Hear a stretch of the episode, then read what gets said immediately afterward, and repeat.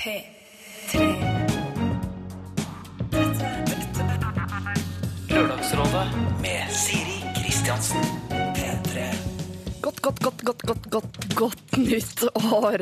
Eh, Beklager så mye. Blant annet eh, så beklager jeg til eh, deg som kanskje lå eller satt forrige lørdag og tenkte at Lørdagsrådet var tilbake på plass. Nye, friske problemer, altså typisk 2013-problemer.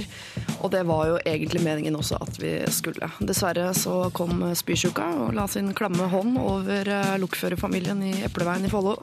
Eh, Så vi synkronspydde altså eh, på det tidspunktet, og det er ikke spesielt god eh, radio. Men nå er vi på plass, og vi skal bli her fram til klokka tolv i første omgang. Dernest de neste 100 årene, i hvert fall ut 2013, 14, 15, 16 osv. I dag kommer Håvard Lilleheie, Ingrid Stenvold og Hans Majestet Hans Olav Brenner. Og du må gjerne sende inn dine problemer. Da bruker du mail. Eller alfakrøll nrk.no, eller sende SMS med kodeord P3 til eh, 1987. Lørdagsrådet Men nå skal vi se eh, framover. Prøve å løse de problemene du allerede har klart å dra med deg inn i 2013. Kanskje det dukket opp noen eh, på nyttårsaften, eh, hva vet jeg. Du har jo feiret nyttår på en eller annen måte, og det er mange som møter noen de liker på nyttårsaften. Og ofte så er det noen man liker på nyttårsaften fordi det er nyttårsaften. Folk er så mye penere når de er på paljetter og det er konfetti rundt, og det er liksom så ekstremt sånn, behagelig stemning på nyttårsaften, og da liker man ofte folk man ikke blir likt på en helt vanlig dag. da. Eh, Mange av dere som hører på har sikkert også blitt forlatt, eller forlatt noen, for vi befinner oss i den måneden i året hvor det er flest brudd. Folk holder sammen gjennom jula for å karre til seg mest mulig gaver osv. Kanskje for barnas skyld, kanskje for svigers skyld, hva vet jeg. Og så kommer januar, den harde hverdagen, og da orker man ikke mer. Da går man fra hverandre. Så det er mye grining der ute nå, det er jeg helt sikker på. Eh, men vi skal i dag hjelpe en som tror hun kan ha møtt eh, en veldig, veldig fin mann på eh, nyttårsaften. Eh, han var mye eldre enn henne. Hun er ung, han er gammel, men hun klarer ikke å slutte å tenke på han. Og de bor langt unna hverandre. Hun er tilbake der hvor hun studerer. Han er igjen der han var. Han jobber og er liksom en ordentlig voksen fyr. Og hun lurer på hvordan skal hun klare å holde kontakten? Hvordan skal hun holde jernet varmt med denne mannen som bor så langt unna? Og skal hun i det hele tatt gjøre det? Hun vet ikke. Jeg vet ikke. Men vi skal prøve å hjelpe henne eh, etter hvert når eh, rådgiverne kommer eh, på plass. I dag er det Hans Olav Brenner, Håvard Lilleheie og Ingrid Stenvold som er rådgivere. Og de skal du få lov til å hilse på rett etter Pink og hennes Try. Thea and The Wild hørte du der, og deres uh, Cry Sometimes, som jeg syns er helt greit å si nå i uh, januar uh, måned. Men også da før det Pink og hennes Try. Dette er jo grinemåneden januar, og jeg sier velkommen til musikk, sport, verden for øvrig. Nå mellommenneskelig rådgiver Ingrid Stenvold, velkommen om bord. Eh, Drammens patriot, sjarmør, eh, mannemann, Håvard Lilleheie. Mannemann, alle sier det. Mm. Hvorfor er januar grinemåneden? For det er så mye brudd. Er så mye brudd nå. Er, folk går fra hverandre i januar? går- ja, ja. Etter jula så har det ryket, liksom? Ja, Du Enten fordi man har fått for mye av hverandre i jula, eller fordi Ja. man har bare holdt sammen gjennom jula, for det er så slemt å gjøre det slutt rett før jul. Ja, Men i januar jeg- er det lov. Jeg tror det er sånn, Vi gir det sjansen innom jula, så ser vi. Og så, nei, det det, var ikke Det går ofte til helvete i januar, i hvert fall. Eh, og så har vi også med oss eh, romantiker, eh, nybakt far, far, som Hans Majestet Olav Brenner. Eh, gratulerer! Tusen takk. Eh, ikke med å ha kommet deg over i 2013, men med å ha fått eh, liten eh, babys. Mm, det er veldig koselig. Du er sistemann i rommet som har fått barn. Hvordan er livet? Livet er veldig, veldig fint. Jeg er, så, I natt har jeg sovet veldig dårlig, Ja, rett og slett. Men ellers er det veldig bra. Så jeg sto opp for 13,5 minutter siden. det er veldig Jeg godt har endelig sovnet ut på morgensida. Unnskyld. Nei. Det er veldig koselig å være her. Men er du fortsatt en romantisk type, eller har du måttet legge vet det på jeg, jeg, hylla? jeg har vært det før, ja. Ja, Jeg trodde på kjærligheten. Mm. jeg tror fortsatt på kjærligheten. Selv i januar 2013. Eh, Håvard og Ingrid, har dere noe råd til denne nybakte faren? Dere er jo erfarne eh, fedre, altså foreldre begge to. Det er bare å slutte å snakke om det der med søvn først som sist. Det, det kommer ikke tilbake på en stund. Nei, du blir Men- litt sånn småirritert nesten når jeg gjorde det nå. Mamma bare legger lokk på. Nei, det er bare, jeg smilte litt overbærende. bæret. Kanskje. Men du, må, men du må lære deg å finne sånne lommer. Ja. Måte, dine lommer i livet, det er veldig viktig. Egentid. Ja, egentid. Eh, og de kan være på de merkene. Det er sånn eh, vet, Noen ganger når jeg, øh, når jeg er på mitt tristeste eh, Så hvis du har liksom hatt en litt sånn travel dag, og så har du kjørt hjem, og så satt bilen i garasjen, og så velger du å bare sitte litt ekstra. Å, det er irriterende. ass. Når du står inne med ungen som griner og grytene som koker. Så veit du at typen sitter i garasjen og koser seg. Jeg bare sitter fem minutter, fem minutter i Jeg garasjen. ble skjønt nå at å dra med bilen på bilvask og liksom nyte den tida inni bilen mens de der greiene går rundt, det er den største luksusen man kan få i livet fra nå. Utrolig deilig. Det er rart, men det handler litt om eh, å, å finne tid uten Det er jo grusomt. Endelig har man fått barn, og så handler det i stor grad om å, å finne tid uten barn. Men eh, ja, eh, om det er i bilvask eller eh, på toalettet, for eksempel. Dusje, sånne type ting. Får Jeg, jeg vurdere om jeg skulle la datteren min sove en time halvannen midt på dagen til hun blir sånn seks år. Bare for å ha den, den stunda. Den er, den vi har jo selvfølgelig uh, vaskehjelp og au pair som tar det meste, da. Men selvfølgelig. Selvfølgelig. Selvfølgelig. Og Jeg regner med at i hvert fall én personlig trener. Jeg syns det var så urettferdig mot henne. Ja, enig. Men jeg blir litt sur, for man kan, man kan jo si hva man vil om Marte Krogh og hele det livet der, men jeg sitter jo ute i Follo sjøl litt sånn gladtjukk, og jeg er også personlig trener og en som vasker hos meg, eh, men jeg kan på en måte ikke, allikevel ikke gå ut og si det Marte Krogh sier med den samme eh, Pondusen. Ja, kall det pondus, men altså, den, den- samme antipondusen. Da, på en Ja, måte. riktig. Ja. Så jeg, eh, når alle sitter nå og liksom kaster sånn 'hold tåta' på Marte Krogh, så blir jeg sånn Jeg er helt enig, men jeg, jeg, jeg har jo det du har, bortsett fra de pengene. Det er mange som hadde trengt å ta seg litt sammen. Ja da, ikke kunne og tatt meg sammen litt. Altså, altså. vær ærlig på det. Ja. Jeg støtter Marte. Jeg støtter også Marte. På sett, på sett og vis, så ja, det bikka over i litt sympati til slutt, fordi at det var så mange som skulle si fra så voldsomt hardt, og alle skulle si akkurat det samme, veldig høyt, i munnen på hverandre. Da, da bikker det litt over. Men Alle eh, går vi rundt og venter på en anledning til å bli moralsk forarget. Ja. Ta Marte Krogh. Det er litt som å ta Rimi Hagen. hun er perfekt, for hun er, hun er pen og, og rik. Og, Ja. Kan spille fele, liksom. Hun er veldig, hun er veldig god til det. Men sikkert sånn som likte oliven allerede i en alder av to år. Sånn, ja. Nei, jeg vil ikke ha Nugatti på brødskiva. Har du oliven? Nei, ikke skjær av skorpene. Da, mor, jeg elsker skorper. Det var sikkert sånn unge. Så sikkert masse den au pairen ikke gjør, som hun må ta igjen selv etterpå. Helt sikkert. Altså, Per er jo her opp, først og fremst for å oppleve norsk kultur. Det er sant. Ja. Nok om det. I dag skal vi jo ikke eh, rakke ned på noen. Her er jo alle velkomne. Alle mennesker, alle problemer og absolutt alt. Vi skal bare være rause og gi, gi, gi så mye som mulig nå fram til klokka tolv. Eh, så eh, ikke vær redd. Send inn de problemene du har klart å karre til deg allerede. Bruk kodeord P3 om du foretrekker SMS. Send det til 1987. Eller så sender du mail, det er jo gratis. Da er det L for Lørdagsrådet, R for Rådet i dag Lørdagsrådet. Nå prøvde jeg å gjøre det ryddig, bare mer rotete. LR, alfakrøll, nrk.no. Lørdagsrådet på P3. Blir ikke lei, hull i himmelen, Jon Olav Nilsen. Fantastisk eh, låt. Det er jo ikke noe man egentlig skal bli i godt humør av, men det gjør jeg altså på en eller annen absurd måte. I Lørdagsrådet i dag sitter jeg sammen med Ingrid Stenvold, fersk fra nyhetene. Det er jo der vi kjenner deg nå sist. Men også kjenner deg fra sport og musikk, og du har vært over hele fjøla.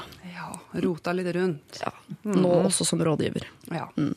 Håvard eh, Lilleheie, rett fra Drammen. Ja, det, det, det er der du kjenner meg fra. Ja, sånn er fra Drammen. Ja. Ja. Og uh, Hans Olav eh, Brenner, altså fra huset. Fra huset. Det var fra hylla. Det var rørende. Vi skal ta uh, 2013 sitt aller første problem, og jeg kan jo bare nevne det at uh, det er Lørdagsrådet sin 100. sending i dag. Dette ser jeg, Oh, sending nummer 100. dette sier jeg ikke fordi jeg utgangspunktet visste det, men vi har en fan, Rafael Eriksen, som driver og lager Wikipedia-sider for oss. og Sånn. Fantastisk fyr, går jeg ut fra. Han har nå sendt oss en mail. Gratulerer, 100 LR-sendinger, skriver han. Da tar jeg det for god fisk. Så til deg som nå skal få hjelp, du er førstemann i sending nummer 100 som får råd, altså. Og det er en 22 år gammel jente. Hei, kjære Lørdagsråd. Jeg er en 22 år gammel jente og hooket opp med en sånn ordentlig hyggelig kar på nyttårsfest hos venner. Det skjedde ikke noe mer enn litt kyssing og sånt, men vi sov sammen og pratet en hel del. Dagen etter la han meg til på Facebook, noe jeg ble veldig glad for. Nå har jeg reist tilbake dit jeg studerer, langt unna han, som er fra de samme traktene som meg. Eh, han har ikke tatt noe mer kontakt, og jeg burde kanskje glemme han. Samtidig har det gått nå fem dager, og eh, han er jo den som har tatt initiativ hittil, og jeg lurer på om jeg skal si noe neste gang vi er pålogget samtidig på Facebook. Men jeg aner i så fall ikke hva jeg skal skrive, og egentlig tør jeg heller ikke fordi jeg hater den chatten. I tillegg til at vi akkurat nå bor langt unna hverandre, er det en viss avstand mellom oss i alder. Jeg blir 23 år, han blir 34. Jeg takker hvem som helst, har måttet avvise de to jeg datet i høst, og har egentlig et liv som er fint som det er. Men kanskje var det smilet hans, kjemien og alt han sa, Eller var det bare promillen min? Jeg vil finne ut av det. Så det jeg lurer på. Hvordan bli bedre kjent med en elleve år eldre mann som bor en dagstur unna, og som dessuten kanskje ikke er interessert i meg? Er dette et Mission Impossible? Hilsen meg.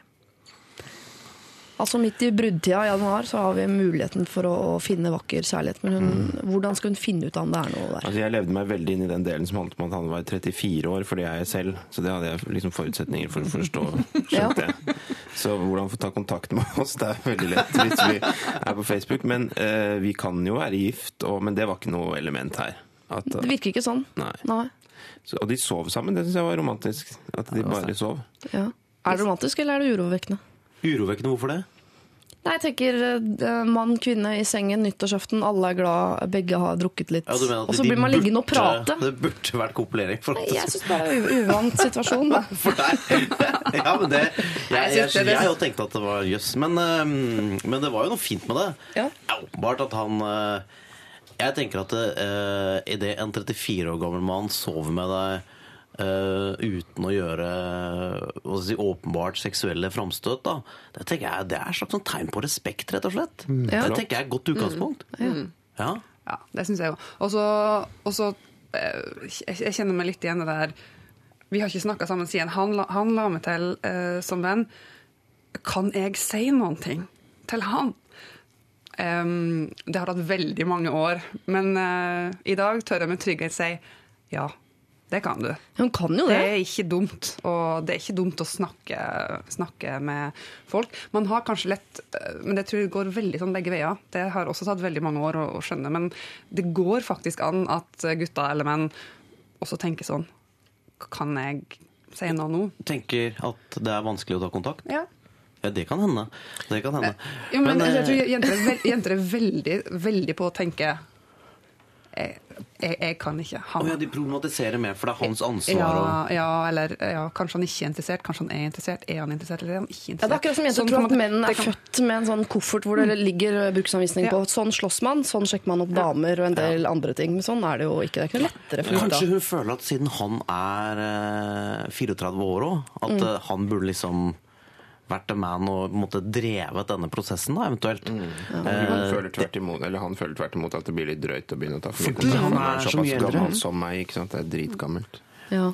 At han føler nesten som sånn overgrep hvis han, han driver og, og tar kontakt med en elleveåring eller yngre dame til stadighet. At det blir nesten Han har vært subtil da, med å liksom legge til. ikke sant? Det er et lite signal. Nå er det Ja. kanskje hennes tur til å, til å ta kontakt. Og hvis han er en sånn fin fyr, som hun innleder med å si, Mm. så ligger det jo til rette for både det ene og det andre, vil jeg si. Så hun burde uh, tørre å snakke med han på Facebook. Han har jo lagt en del på Facebook, og da, da vil han jo ha kontakt med henne på et eller annet plan. Er det, er det umulig å ringe i våre dager? Ja. Det er det. Ja. Nei, jeg vet ikke. Nei, men, Jeg- Jeg liker liksom stemme Altså at du snakker. Ja. det får Men det er jo la, I det er hvert fall i lavere starten. terskel. Ja, ja, men det er lavere terskel å, å, Ja, bare, å ja, sånn det? hei, er takk for sist. Det er mer uforpliktende. Ja. Det er jo det. Ja, ja. Men hvis hun ikke liker eh, den, selve den chatten, det kan jeg skjønne at det kan være litt sånn skummelt for folk. Kan hun ikke bare sende en liten melding på Facebook? da? Hei, så hyggelig at du la meg til som venn, takk for sist. Åssen ja. er det hjemme i gamle traktene? Er, det fortsatt eh, salg på kjøttdeig på Smør-Pettersen? Altså noe sånn noe folkelig, sette i gang noe prat? Mm. Ja, det syns jeg er bra, ja. og jeg, jeg har veldig jeg, jeg må si jeg har veldig god følelse når det gjelder akkurat disse to. Har du det? Ja, jeg har det. Kanskje Følte at blir... hele tonen i, eh, i, i eh, mailen hennes var av en sånn karakter at jeg tenkte at, at dette er to ordentlige folk som vil noe ordentlig med hverandre. Men er det lettere for henne som bor langt unna, og det er langt unna i alder og sånn også, å bare glemme, glemme tenke det var en hyggelig kveld og gå videre? For idet hun tar kontakt nå, så kan hun jo potensielt rote seg inn i en sånn masse ordning og veit jo ikke hvor det går, liksom. Nei, nei, Men jeg kan vanskelig se altså, hva hun egentlig har å tape, da. For at, altså, dette er jo en fyr hun har møtt og likt, eh, som hun kunne tenke seg å ta kontakt med igjen. Eh, og dette er, jo, dette er jo som i salg. Man må jo avdekke. Så her er det viktig at hun avdekker om hun har en eh, potensiell eh, kjøper av hennes hjerte eller ikke. Og så må man ikke tenke det, Nei, for det du spør om der, det, det, er litt, det er også litt sånn her eh, skummelt når man, når man sitter og tenker om man skal si hei for, for, for aller første gang. Så begynner man lett å tenke Men hvor skal vi bo? Ja. Skal vi bo her, eller skal vi bo der? Eh, ikke sant? Ja. Jeg, jeg studerer jo, kanskje ikke jeg skal flytte hjem igjen. ikke, ikke start med det. Start med hei. Ja. Og, og takk for sist. Og så, og, så, og så skjer det som skjer. Det, det, det, det, det skjer veldig mye ubegrunna bekymring i mm. Trenger ikke å tenke sokkeleilighet med en gang. Nei, Liksom. for hun er bekymra for avstand og alder sånn allerede. Ja, kanskje det er litt mye, og det er ikke noe vits å tenke på det med alder og avstand. De har jo ikke, som du sier, de har jo egentlig ikke sagt hei ennå i, i dagslys. Nei, rett og slett. Og, og en annen ting som, som vi snakker om det fine med, med at de jo faktisk bare lå der og snakka sammen og, og, og sov litt sammen. Mm. God kjemi. Ok, Blir det ikke noe mer, så kanskje hun har fått en kjempegod venn Ja. eh, fra sine egne heimtrakter. Det er jo heller ikke å forakte. Absolutt Venner ikke. hjemmefra er topp. For alt du vet, så er han rørlegger, og det er alltid greit å sende en rørlegger. For hun skal jo antageligvis, øh, om ikke bli sammen med han, så en annen en dag. Kanskje de skal bygge hus. ikke sant? Trenger en til å Og så kan han fikse røra. Ja, ja. Man vet jo aldri. Han er sikkert sugen på det. Men jeg følte litt lite, litt lite om Siden han det ikke ble fyren. ordnings når det var elleve år mellom. Men jeg, føler samtidig at vi kan utelukke Det, det kom spørsmål her. er- er 34 år, er han gift? Hvis han er på nyttårsfest og Blant søv 22-åringer. Sammen med en 23 år gammel jente, og, og det ikke er noe dame der, da er det ikke veldig bra, det ekteskapet, tenker jeg. Så det, da har det skjedd nå i januar. Vi må jo, legge til, vi må jo, vi må jo anta at han er singel. Jeg, jeg, jeg håper Ja, han hadde de nevnt jo- det hvis han var gift og hadde Ja, barn sånn, for det føler jeg er et element inn i problemstillingen. Ja, det eneste jeg vet om han er at han er en fin fyr. liksom. Det innleder hun med å si. At det er veldig vanskelig å la være å forfølge dette. her, så Hun sitter jo egentlig på konklusjonen uh, selv allerede, og den støtter vi. Ja. Så hun burde, eh, vi sier bare ta kontakt, Vi sier og ikke tenk så mye framover. Bare Nei. ta, start med et hei. Ja. Nei, dette, dette syns jeg er sånn det er litt, den, den, den er ikke så vanskelig. Den, det er klassisk eh, glem at det er så farlig, og ikke tenk rekkehus. Det er ikke et Mission Impossible, i hvert fall. Nei, Nei. på ingen måte. Han har tatt eh, kontakt, og det er som du sier selv også, det er han som har tatt initiativ eh, hittil. Og da eh, er det helt innafor at du uh, sier f.eks. hei tilbake. Og så får du se da, om han svarer hei tilbake, og så stopper det der. Eller kanskje det blir en søt liten samtale. og Kanskje skal du hjem igjen snart, da, ikke sant? Hvem vet? Det blir mer enn hei. Ja, da står han der, henter deg på togstasjonen. Lykke til fra alle oss i dagens eh, lørdagsråd. Lørdagsrådet. Du så dem kanskje i går på TV 2 Idol sin sånn uh, tiårsjubileumssending uh, Eva and the Heartmaker. Ny låt ut, Joanna, der altså. Det sto en sånn fin sånn uh, allvakter, sånn Ringenes herre-inspirert uh, kledning. Uh, med hette på, mye sånn flagrende, mens du så kjæresten sånn dypt inn i øynene og sang. Det var vakkert. Det var Så det var, det var sterkt for deg, hele den Idol... Så du på den sendinga? Jeg visste at dere kom til å spørre om det, fordi vi snakket om det. Ja, jeg så hele. Jeg valgte også da TV 2-nyhetene i går, dessverre, Ingrid, fordi det lå så fint imellom Idol-bolkene der. Og var supernerd i hele går kveld. Satt sånn Der er hun! Og han hadde jeg glemt! Og fordi alle publikum var jo også tidligere Idol-deltakere. Det gikk en kule varmt for meg der en stund. Og til alle i salen nå! ja, ja. Nei, det var, eh, det var stort. Men Rybak, han gadd ikke å møte opp. Nei da, men det var et lite klipp med Rybak der. det, ja. Og, ja. Og når altså, de hadde rangert av de tre topp auditionene gjennom tidene liksom, i Idol, Mm. og når førsteplassen var den jeg husker best fra de ti årene med Idol, så tenkte jeg jeg er en del av folket. Så innmari nå. Hvilken audition var det? Det en som het Mali, som sang eh, ganske stygt, og så, som krevde Eller hun påsto jeg har masse selvtillit, og jeg synger kjempefint. Du vet sånne folk som ikke har selvinnsikt, Ja, ja. som mener at alle dommerne tar feil. Ja. Ja, det var herlig. Hvordan har det gått med hun Margaret Berger? Hun husker jeg. Kjempebra. Har jobbet her i P3 i mange år som musikkprodusent. Har gitt ut masse musikk. Masse altså, ordentlig kul musikk. Vi har spilt veldig mye av musikken hennes her på P3. Hun er vel en av de som virkelig har fått det til. hun er veldig flink. Veldig, Så du veldig lot Quizdan være Quizdan og gikk over på TV 2? Ja, jeg lot Kristian seile sin egen sjø i går. Det får være greit. der også ser det ut som om det er Unnskyld. nå- Der også ser det veldig ut som publikum er, er deltakere. Ja. Når man ser på sendingene. Så føles det som om, om publikum også Fin effekt i det. er Ja. quiz, quiz-deltakere. NRK-effekten. Eh, vi har jo nettopp prøvd å gi råd til en jente som er usikker på om hun skal ta kontakt med en hun møtte på nyttårsaften, som var 11 år eldre og bor langt unna. Og det er en som har sendt inn her på SMS. Eh, til dama i første problem. Den som intet våger, intet vinner. Jeg tok kontakt med en sommerflørt, og nå er det tolv år siden vi er gift, har tre barn. Hva er det verste som kan skje dersom du tar kontakt? Spør hun. Det var et fint uh, lite råd å få med på veien. Og vi skal holde oss på den siden av kjærligheten, altså den potensielle uh, mulige kjærligheten som kommer. For det er en her som trenger litt sånn datingtips uh, av oss. Han skriver Hei, Siri og co. Jeg skal på date med en jente på lørdag som jeg har kjent lenge. Venn av en venn, kan du si. Hun spurte om vi skulle gå ut, og jeg sa ja fordi hun er hyggelig, og jeg ble nysgjerrig på om hun er et kjæresteemne. Allikevel syns jeg ikke hun er superpen, så jeg er ikke så veldig tiltrukket av henne. Hva bør jeg gjøre på daten? Eh, A. Ikke flørte og sette henne i den kjipe vennesonen. B. Kjøre på med romantikk og se hvor det går. Hilsen Lars. Ja, det der er ikke altså, Jeg mener sånn eh, Man kan si hva man vil, men sånn fysisk attraksjon er jo Det er jo ganske viktig. Eh, I Jævla svin, ass. Det er kyn... Men, eh, men eh, sånn er det for folk flest. Uh, Men han syns hun er superpen og er ikke veldig tiltrukket. Men det betyr at hun er ganske pen og han er litt tiltrukket. Det må vi kunne ja, anta. det kan jo bare hende at han er hyggelig når han formulerer seg òg, så det vet vi ikke. Men, uh, men uh, jeg vil jo Ja, men Er det bare to ytterpunkter her? Enten, liksom, enten møte opp og pøse på, eller møte opp og være så nøktern og kjip at uh, altså det, det, Det er de to alternativene han skisserer. Nei, nei, Nei, Men han har jo avskrevet utseendet. liksom. Da er det én ting igjen. da, Én av to. Det er det indre, liksom. Så han må jo grave noe voldsomt i det indre og se om det er noe der, da. Ja. Ja.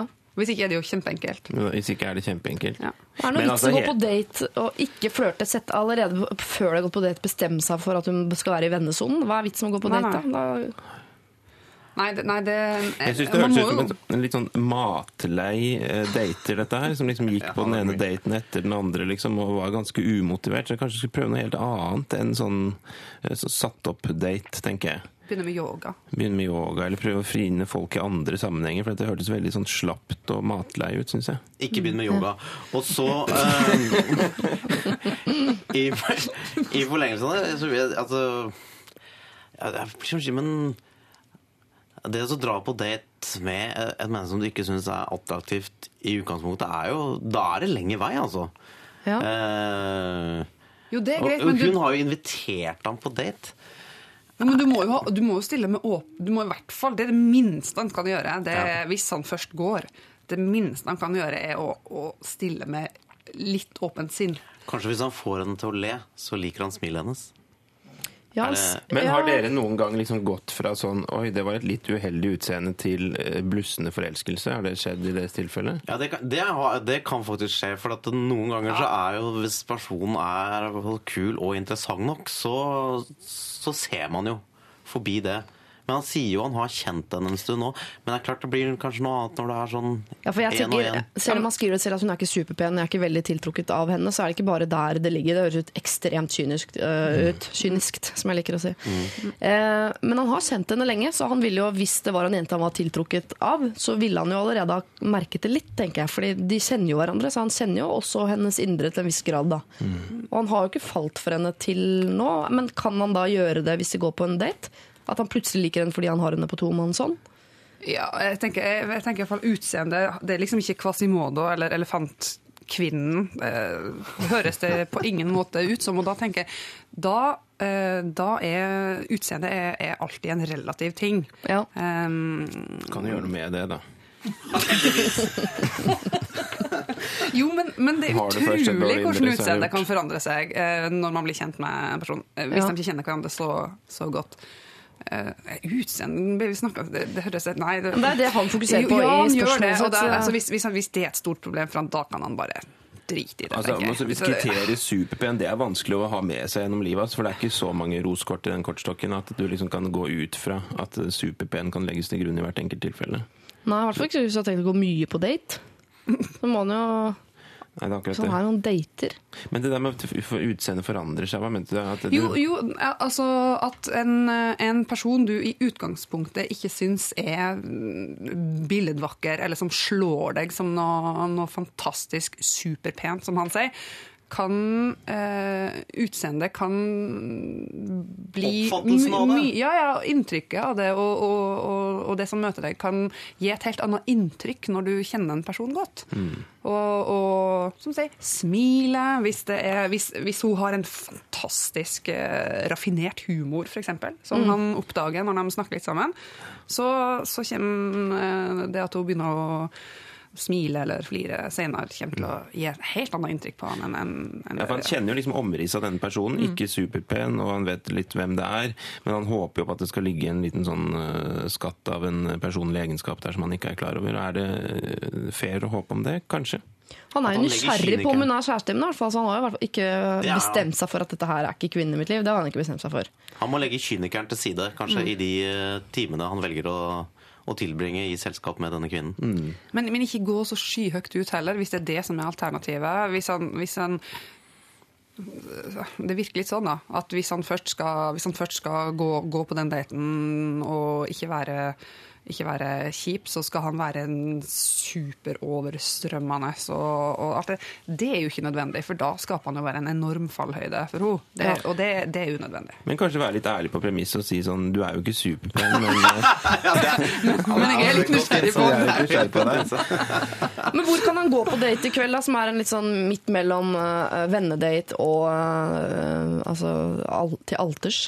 Jeg ville tatt henne med på en, eh, en sånn pub-kafé-setting. Ikke noe superpent sted? Nei, men Liksom. et, et sted der eh, som ikke er akkurat der de vanker vanligvis, og der det er masse kjente. Det, det føler jeg er en god setting for dem. Og så der det ikke blir pinlig stille når de blir stille. At det er litt sånn at det er musikk og, og, og, og litt livete. Men det blir alltid pinlig stille når man ikke snakker uansett. Men ikke, ikke sånn som Nei. på. Hvis, ikke sånn som hvis vi hadde blitt stille nå. Det er kleint. Ja. Men jeg anbefaler jo uh, Dette høres ekstremt døvt ut. Nei, nei. Men jeg anbefaler alltid noen skal gå på date. Og så er det plutselig tre stykker som våkner helt og ser på meg med noen dodderøyne. Uh, jeg bare sier det rett ut, så får det høres så døvt ut som mulig, og så skal jeg prøve å dra det land etterpå. Museum. Fordi eh, museum er det kjedeligste jeg vet om i hele verden. Eh, å gå på museum er eh, døden i bøtta for min del. Så det er helt utrolig døvt. Men når man er to, hvis dere er to stykker da, som ikke er så glad i å gå på museum, så kan det være gøy å gå på museum nettopp fordi da har man en sånn felles fiende å snakke om sånn Å ja, det er sånn en glasskrukke. Det var jo Og så kan man bli litt sånn at dere to snakker til og om museet mens dere går rundt der. Så kan dere gå ut derfra alene sånn Åh, det er jo kvitt det museet, skal vi ta en øl, eller? Og da er på en måte stemninga i gang. Skjønner dere? Jeg ville ikke gjort det. Det, sti Jeg vil gå det stiller et visst Kanskje det stiller jo annet et krav til at man ser litt likt på det å gå på museum. For hvis du ender opp med en eh, hobbyarkeolog som eh, greit Lars her er ikke hobbyarkeolog. Ja. Hvis det viser seg at hun tenner 100 på de krukkene, så er det nyttig informasjon for ham. Greit å ta med seg når skal Men da kan jeg har det i hvert fall veldig hyggelig på Teknisk museum når jeg er der sammen med sønnen min. Da. Vi koser oss alltid og går på kafé etterpå, blir med hverandre hjem og sover i samme seng. Og, uh, så det er ikke Ja, bare det kan jo stille henne i et godt lys. Hvis hun, da kan hun virke direkte festlig i forhold til de krukkene. Så da kan det jo bli en viss tenning, i hvert fall for den kvelden. Eh, Kjære Lars, kos deg på date i kveld. Jeg fall jeg hører at du er nødt til å legge bort de der to eh, alternativene dine, som er enten kjøre på eller sette henne i den kjipe vennesonen. Du er nødt til å bare gå dit med litt sånn åpent sinn og se om det blir hyggelig eller eh, ikke. Og eh, også legge til siden det der med at hun ikke er superpen. For hvis du er litt nysgjerrig, eh, så må du grave. Hvis du skal finne god kjærlighet, så må du grave litt. Så da må du rett og slett Tydeligste rådet her syns jeg vel er bare å gå på date med litt litt mer åpent sinn enn det du presenterer i mailen din, i hvert fall da, Lars. Eh, ha det hyggelig. Du hører på Lørdagsrådet med Siri. Take Your Mama synger Sister Sisters, og vi har også hørt Frank Ocean og hans eh, Lost.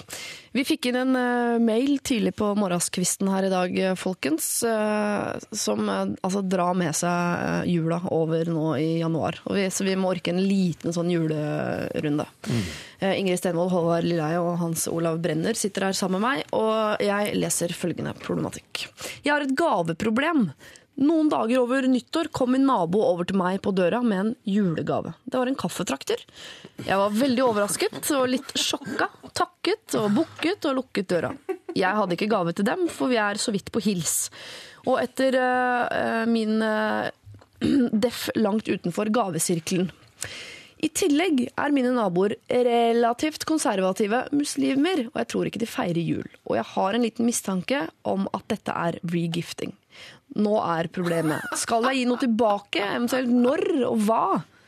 Hilsen trofast lytter Klara. Hun har fått en julegave på nyttår eh, fra noen som ikke feirer jul, som hun nesten ikke kjenner. Eh, Hun tror det er bare noe de har gitt videre, men uansett, hun sitter nå med en kaffetrakter i sitt fang og lurer på om hun må gi noe tilbake. Og hun inviterte ikke gavegiveren inn. da Nei, det fikk jeg ikke inntrykk av her. Nei. Nei, det burde hun gjort. Ja, det er for seint. Eller altså, hun kan fortsatt gjøre det, men da Men altså, ny kaffetrakter kan vi legge til grunn? Ja. Det var rart hvis det var en brukt en. Eh, Men altså, er det, det, dette er jo dette er et ganske vanskelig problem. Fordi at eh, altså, den vedkommende som kommer med gaven, det kan være så mye. Det kan bare være Åh, jeg orker ikke å ha trakteren. Til naboen, liker sikkert. Men så kan det også være den sånn i overkant kontaktsøkende eh, individet som du egentlig ikke vil ha nært. Som bruker gaven eh, som sånn lumsk triks til å kjøpe seg inn i livet ditt og spise energien din. Og, og det må du føle på. Hvis det er det, så må du bare ingenting tilbake. Du må, det er viktig, for det er sånne folk som de eh, Og jeg, de har jeg møtt, og, og de vil du ikke ha nært. Eh, så du må, du må se an hva slags, eh, hva slags fyr altså, gavegiveren er. At det er helt uavhengig av religion og alt. Det er mennesketypen. Eh, og hvis det er, ja, og hvis det er den derre Hei, jeg kjøpte den til deg. Og så ligger det en slags sånn i lufta at nå skal du gi noe tilbake. Du bare si takk, og så the hand. Og så gå videre. Men dette er jo en potensiell anledning til å bli uh, godt kjent med naboen. Og få, altså det er jo ikke noe som er så hyggelig som å være uh, litt sånn småvenn med naboene sine. Kan ikke invitere på Det er jo en kaffetrakter, kan ikke invitere på en kopp kaffe, da? Ja, altså, det ligger snublende der, for å si det Ja. sånn. Men jeg blir så nysgjerrig på akkurat den der overleveringsfasen hvor noen kommer på døra. Du har vært så vidt på hils før med en kaffetrakter. Liksom Den sosiale utveksling der, der må det ha oppstått noe som liksom gir litt forklaring, tenker jeg, på en eller annen måte. For det er jo en ganske ordentlig gave. Ja, så Hvis du står der med et sjokkert blikk, så vil du tro at det liksom avstedkommer en eller annen sånn Nei, bare, bare tenkte at det var hyggelig, eller liksom et eller annet sånt fra naboen. Har, har det skjedd noe der? Det lurer jeg på, det får vi jo ikke svar på her, da. Men, men jeg tenker at svaret må jo ligge litt i den situasjonen der. Må jo ha blitt sagt et eller annet der som er en nøkkel til å forstå om dette er helt pussig, litt koselig, eller, eller helt langt ute, liksom. Men så er det jo den, et utfordrende element, og det er jo dette at det er muslimer. De feirer ikke jul. Eh, har de fått en gave som, som det er en selvfølge at de ikke vil ha? Eh, er det helt er det en like stor selvfølge for dem å bare gi den videre?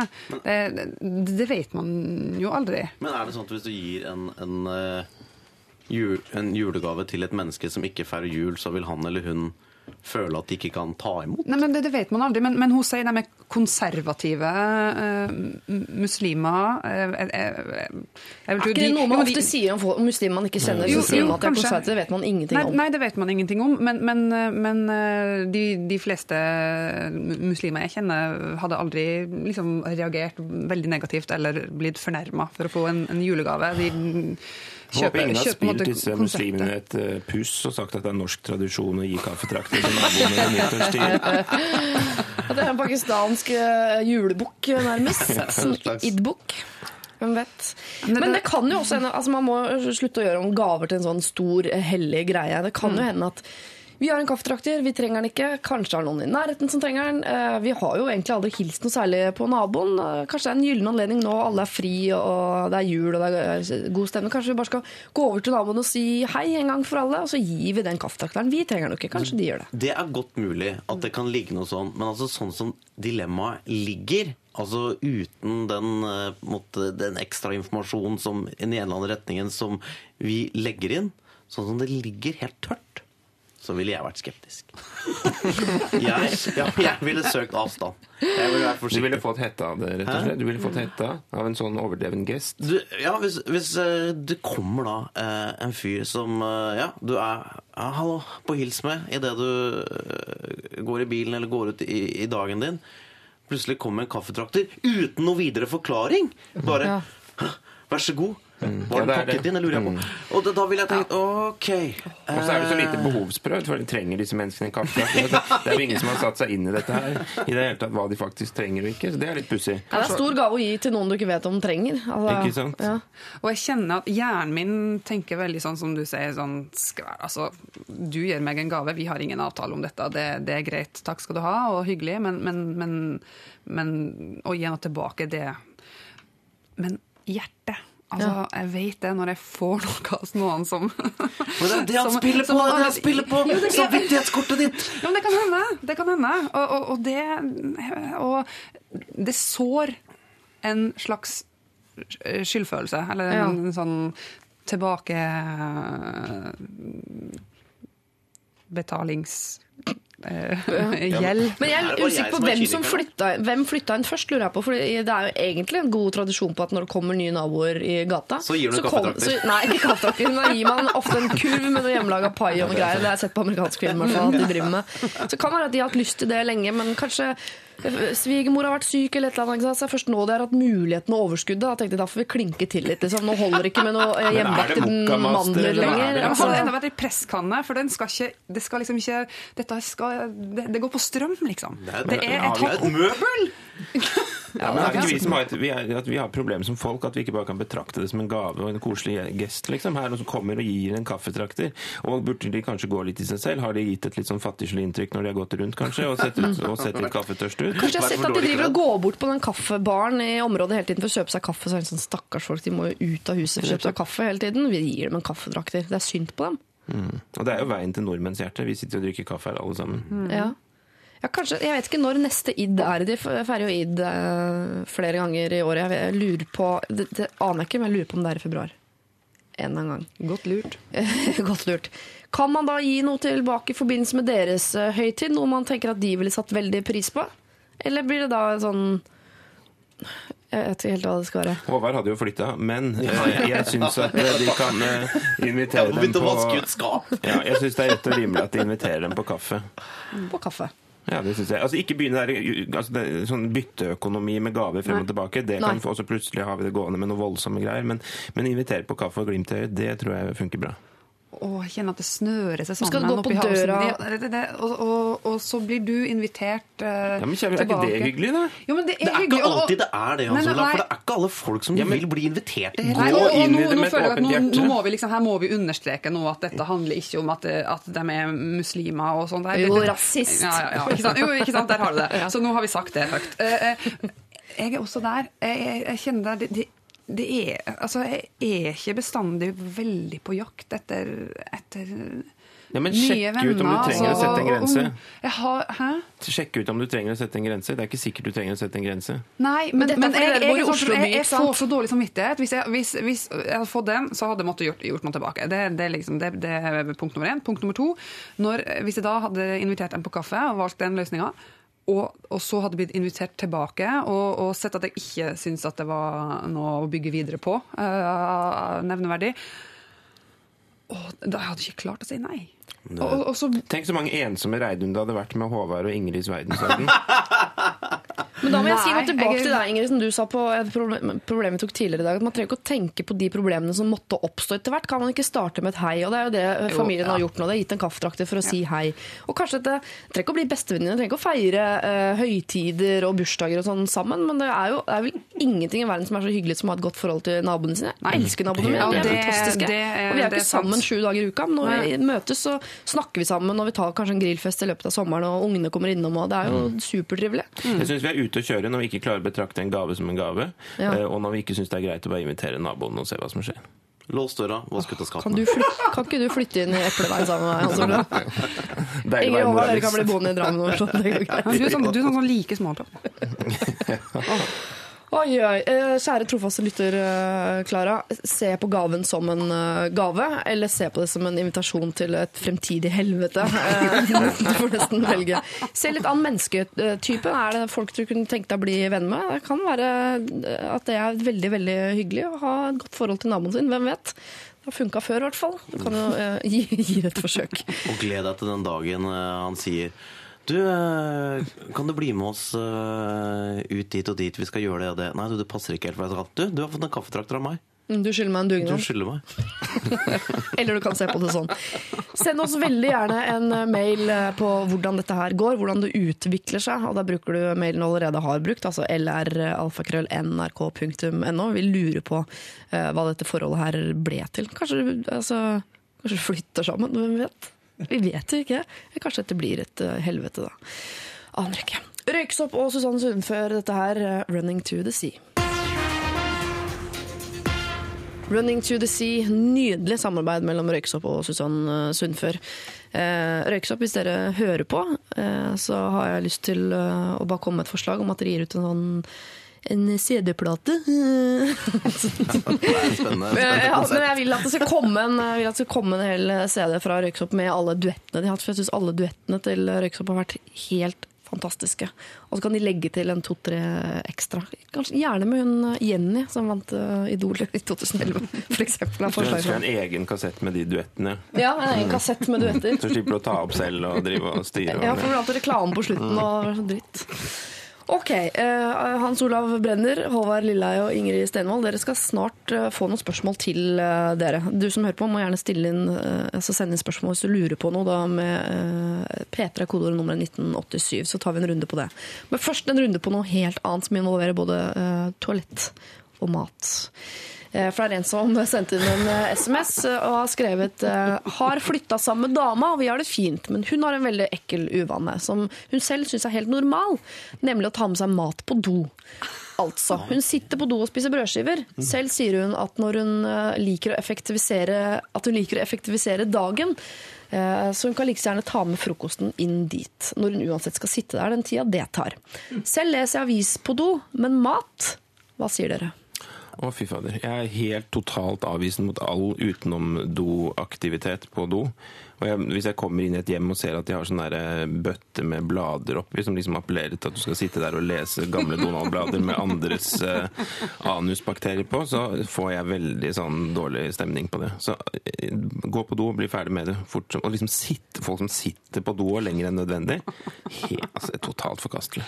Du, sånn snakker jeg en som, som uh, ikke har hatt barn så veldig lenge. Jeg har, jeg har, jeg har eldre brødre som, som trebarnsfedre og sånn. De ser på dobesøket som et gyllent friminutt. Tar gjerne med seg en litt tjukk bok eller et leksikon. Atlas, kanskje. Ja, Eh, iPad. ja, ja, ja. Ja. Det, og, og, og lukke døra det, det, Poenget det er lov å lukke døra og låse. Så Det er legitimt. del to der, altså. Men det å spise på do det høres jo ut som en del av et sykdomsbilde. Ja, mat Ja, ja, for all del. Jeg vil ikke være der. Nei, nei. nei. Du forkorter liksom den derre Jeg vil si som jeg sa i stad, eh, lås døra, begynn å vaske ut av skapene. Få tak i bananeske, pakke, kom deg ut. Ja, men er det fordi dere tenker at det er eh, uhygienisk å spise Det er jo ekstremt. Jeg ser jo det effektive aspektet i det hele. Hvem er det som vil spise når de bæsjer? Det er jo ikke riktig. Altså, vi må ha liksom vi gøy, må. Som et samfunn så må vi ha ett sett med grunnregler Ja. som ligger i bånn. ikke sant? Noen sånn basis som er en del av vår felles kultur. Eh, det har vært mye prat om det i det siste, og jeg føler det at, eh, at inntak av mat og Uttak av mat. og, og ekskrementer, det, Ja. det er ting vi prøver å holde fra hverandre. Jeg får et bilde på netthinna. Tore Renberg leser om det her. Nå har har skrevet sjøl? Nå ser jeg på Hans Olav her. Mm, Jeg kan, det- kan ikke hjelpe deg, dessverre. Nei, men han har, han har lest om dette og, og, og, og spise og drite, spise og drite. Altså, jeg, jeg lurer på, det er lenge siden. Det er kanskje da han hadde bokprogram sjøl. Det er, det er frastøtende. Og, og det er selvfølgelig er hygiene også et, et element. Altså, Én ting er faktisk å sitte og, og bla i et blad. Det er jeg positiv til, faktisk. Hans Olav, der tar du helt feil. Du, dette må du erfare. Det å, det å, å kunne lukke et av livets store gaver. På. Men på en måte så er det sånn rent hygienisk så er det nesten eh, verre. For da kommer du inn på toalett og tar opp eh, Donald med forrige mann sin bakterier Jo, men på. Men poenget- mat blir jo borte i hvert fall i løpet av er sånn Ja, poenget- Jeg går ikke inn og fortsetter å spise på Du brødskiva til putter ikke bladet i munnen. Du putter ikke ei bok i munnen. Nei, men Du putter jo ikke brødskiva i rumpa eller før du spiser. Nei, men du, du er inne på det. Du tar på doklinga, du lukker døra. Du er allerede i, du er i do eh, Modus. modus. Du tar deg jo og- og ikke har- i eh, Du tar deg jo ikke i rumpa før du leser bladet. Nei. Nei. Nei, det er sant. Det er ikke helt uvanlig, men jeg bare tenker, er det sånn at dette, det, det, hun spiser under akten, altså under dobesøket? Eh, altså, eller er det sånn Ja, men det jeg kan ha forståelse for, da, tross alt, for ikke fremstå en, som en moralist i alle spørsmål, er at du skal pusse tennene, du har det travelt, du har med deg et knekkebrød med smør og gulost i hånden, som du kanskje legger opp på hylla ved siden av tannbørsten mens du pusser tenner. eh, Litt sånn Nei, det må jo ikke blande de to tingene, men- Enda vanskeligere å spise og pusse tenner enn å spise Ja. og gå på do. men eh, ja, liksom at mens du grer håret, eller hva vet jeg, bruker lusekammen eller hva som helst, men er det, er, altså, er det spising mens man sitter på do der? spørsmål? Tror det. Ja. For hun liker å effektivisere. Hun skal jo uansett sitte der den tida det tar. For hun har så rask forbrenning at det, liksom, det går fra mat til avføring, så er ja, det bare snakk om do, minutter. mat på do uansett legge fra seg knekkebrød på, på do. Du, du, må ikke, du må ikke ha mat og legge mat på Nei, så du syns ikke det er greit heller? Nei, altså, nei, nei jeg syns det kan skje. Men dobladene, tar du de med ut av do igjen også? Eller må de, når de først går inn på uh, dorommet, så blir de der? Ja, stort sett så Takk, har man øh, Men hvis du hadde hatt sånn svært har- bad som Marte Krogh, liksom, med sikkert egen sofagruppe i et hjørne som da, hadde vært greit. Ikke gå med der? Lesestol. Ikke åpne opp den boka. Men øh, hva skal han si til dama? da? For hun dama her syns jo ikke dette er et øh, problem. Hun driver jo med dette. Du må jo ta på deg selvfølelsen. Det er sikkert ting ved meg du har irritert deg over. Um, underforstått ingen verdens ting. Eh, og når det gjelder deg, så har jeg tenkt på bare én bitte liten ting som egentlig ikke gjør meg noe. Det er bare en detalj, liksom. Men for at du ikke skal bli utstøtt av menneskene i samfunn, så tipser jeg deg om å slutte å spise og drite på likt. Men det gjør Hvorfor noe. plager det det gjør noe. Hvorfor plager det han at hun spiser og går på og do samtidig? Men du vil jo ikke ha en partner som gjør det. Det er jo et menneske som du potensielt skal dele resten av livet med. Ja. Men jeg vil si en positiv ting. Jeg, Jeg ville vært avvisende jeg, til at hun At han Altså, du, hadde sagt, du hadde tatt ultimatumveien. om Da slutter du å spise på do, eller så flytter jeg ut igjen. At han i det hele tatt holder fast Hun må jo være superpen i utgangspunktet. At han skal holde på dette her. Ja, det er sånn ekstra fine damer. De kan jo tillate seg mer, selvfølgelig. Sånn er jo verden skrudd sammen. Så det kan hende at hun er bare sånn når hun kommer ut derfra, så bare tenker du, ser du på henne, ja, ok da. Men det er en litt positiv ting, og det er at dette, er jo i utgangspunktet ville jeg tenkt at dette er det, dette er det en gutt som kan gjøre. Og, altså Og at det er- feministperspektiv. Nei, men at jeg, nei, ikke sånn at derfor så er det kult at jenter men Endelig det kan jenter si Drite og spise på likt. Kjønnskampen var ikke tilbake, jenter. Jeg fortsetter å Ingrid. Der ble jeg Ottar.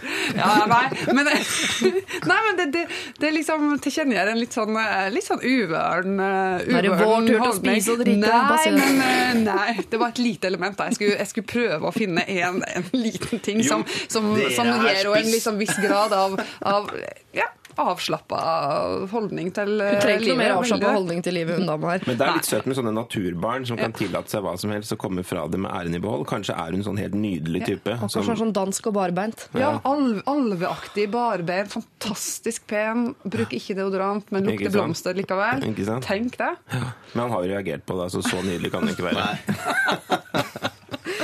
Jeg jeg og det er i det du bruker formuleringen 'den tida det tar'. Ja, nei, nei, er da, vet altså, da, da sitter han inne. Da er det, det er jo like før du tar med deg Jeg blir her den tida inn. det tar. Den tida det det. tar! Nei, det er litt problematisk akkurat det. Jeg syns jeg hører et rungende nei til mat eh, på do. Og om du sier det til henne som et ultimatum, eller pakker det inn som romantiker Hans Olav Brenner her, som er litt mer sånn Det er ingenting ved det som er plagsomt. Det jeg vil bare si fra på vegne av menneskeheten at det du driver med der, er Det kan bli tøft å høre, for han har sikkert hatt denne praksisen hele sitt liv. Hun Ser på det som noe helt normalt. Eh, Det virker som om fall må få slutt på den effektiviseringa av dagen. eh, Og så får det ta den tida det tar, rett og slett. Hils fra Lørdagsrådet og si det, og lykke til.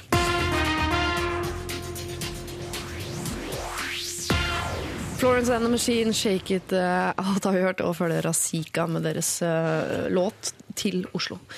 Um, Ingrid Stenvold, Håvard Lilleheie og Hans Olav uh, Brenner. Jeg skal hilse fra Petter her, som har en kommentar til spising på do. Hadde min kjæreste gjort det samme, hadde jeg begynt å bæsje besøkende. God lørdag. Ah. Han snur det da, ikke sant? Setter det på huet. Det, det er ikke romantikeren Hans Olav Brenners metode. Nei, absolutt ikke. Men vi har også fått inn noen, både noen uh, kommentarer til dere og noen spørsmål som jeg uh, tenkte vi skulle ta en kjapp runde på. Jeg skal begynne med deg, uh, Ingrid. Dette er et spørsmål jeg tipper du har fått noen ganger før, men vi, vi spør igjen. vi. Sport, musikk eller verden rundt deg? Hva foretrekker du? Har du fått det Har, har du fått ett spørsmål? Hvis du måtte velge mellom sport, musikk eller verden rundt deg? Ja. Nei, det er jo det. That's the beauty. Man må ikke velge. Nei. Nei. Det Du, er bare, hva, du velger for en periode av gangen? Ja. Ja. Eh, men hvis, hvis jeg måtte Hvis uh, Hvis jeg måtte ha valgt, så hadde jeg nok fakt... Nei. Det er, det er veldig fine, fine ting. For, for å si det sånn, å jobbe med, eh, så, så ryker nok sport først. Å ja. Ja. Jeg tenkte at du kom til å velge sport, da, faktisk, når jeg leste det spørsmålet. Eh, ja, mm, men eh, veldig, det er veldig, veldig sånn artig, lystbetont, gøy å jobbe med sport. Men, men eh, det, det ble jeg sånn litt gæren av. Altså, Misforstå meg rett, veldig fantastisk å være på mesterskap og reise på OL og VM og alt. Det er veldig, veldig gøy. Eh,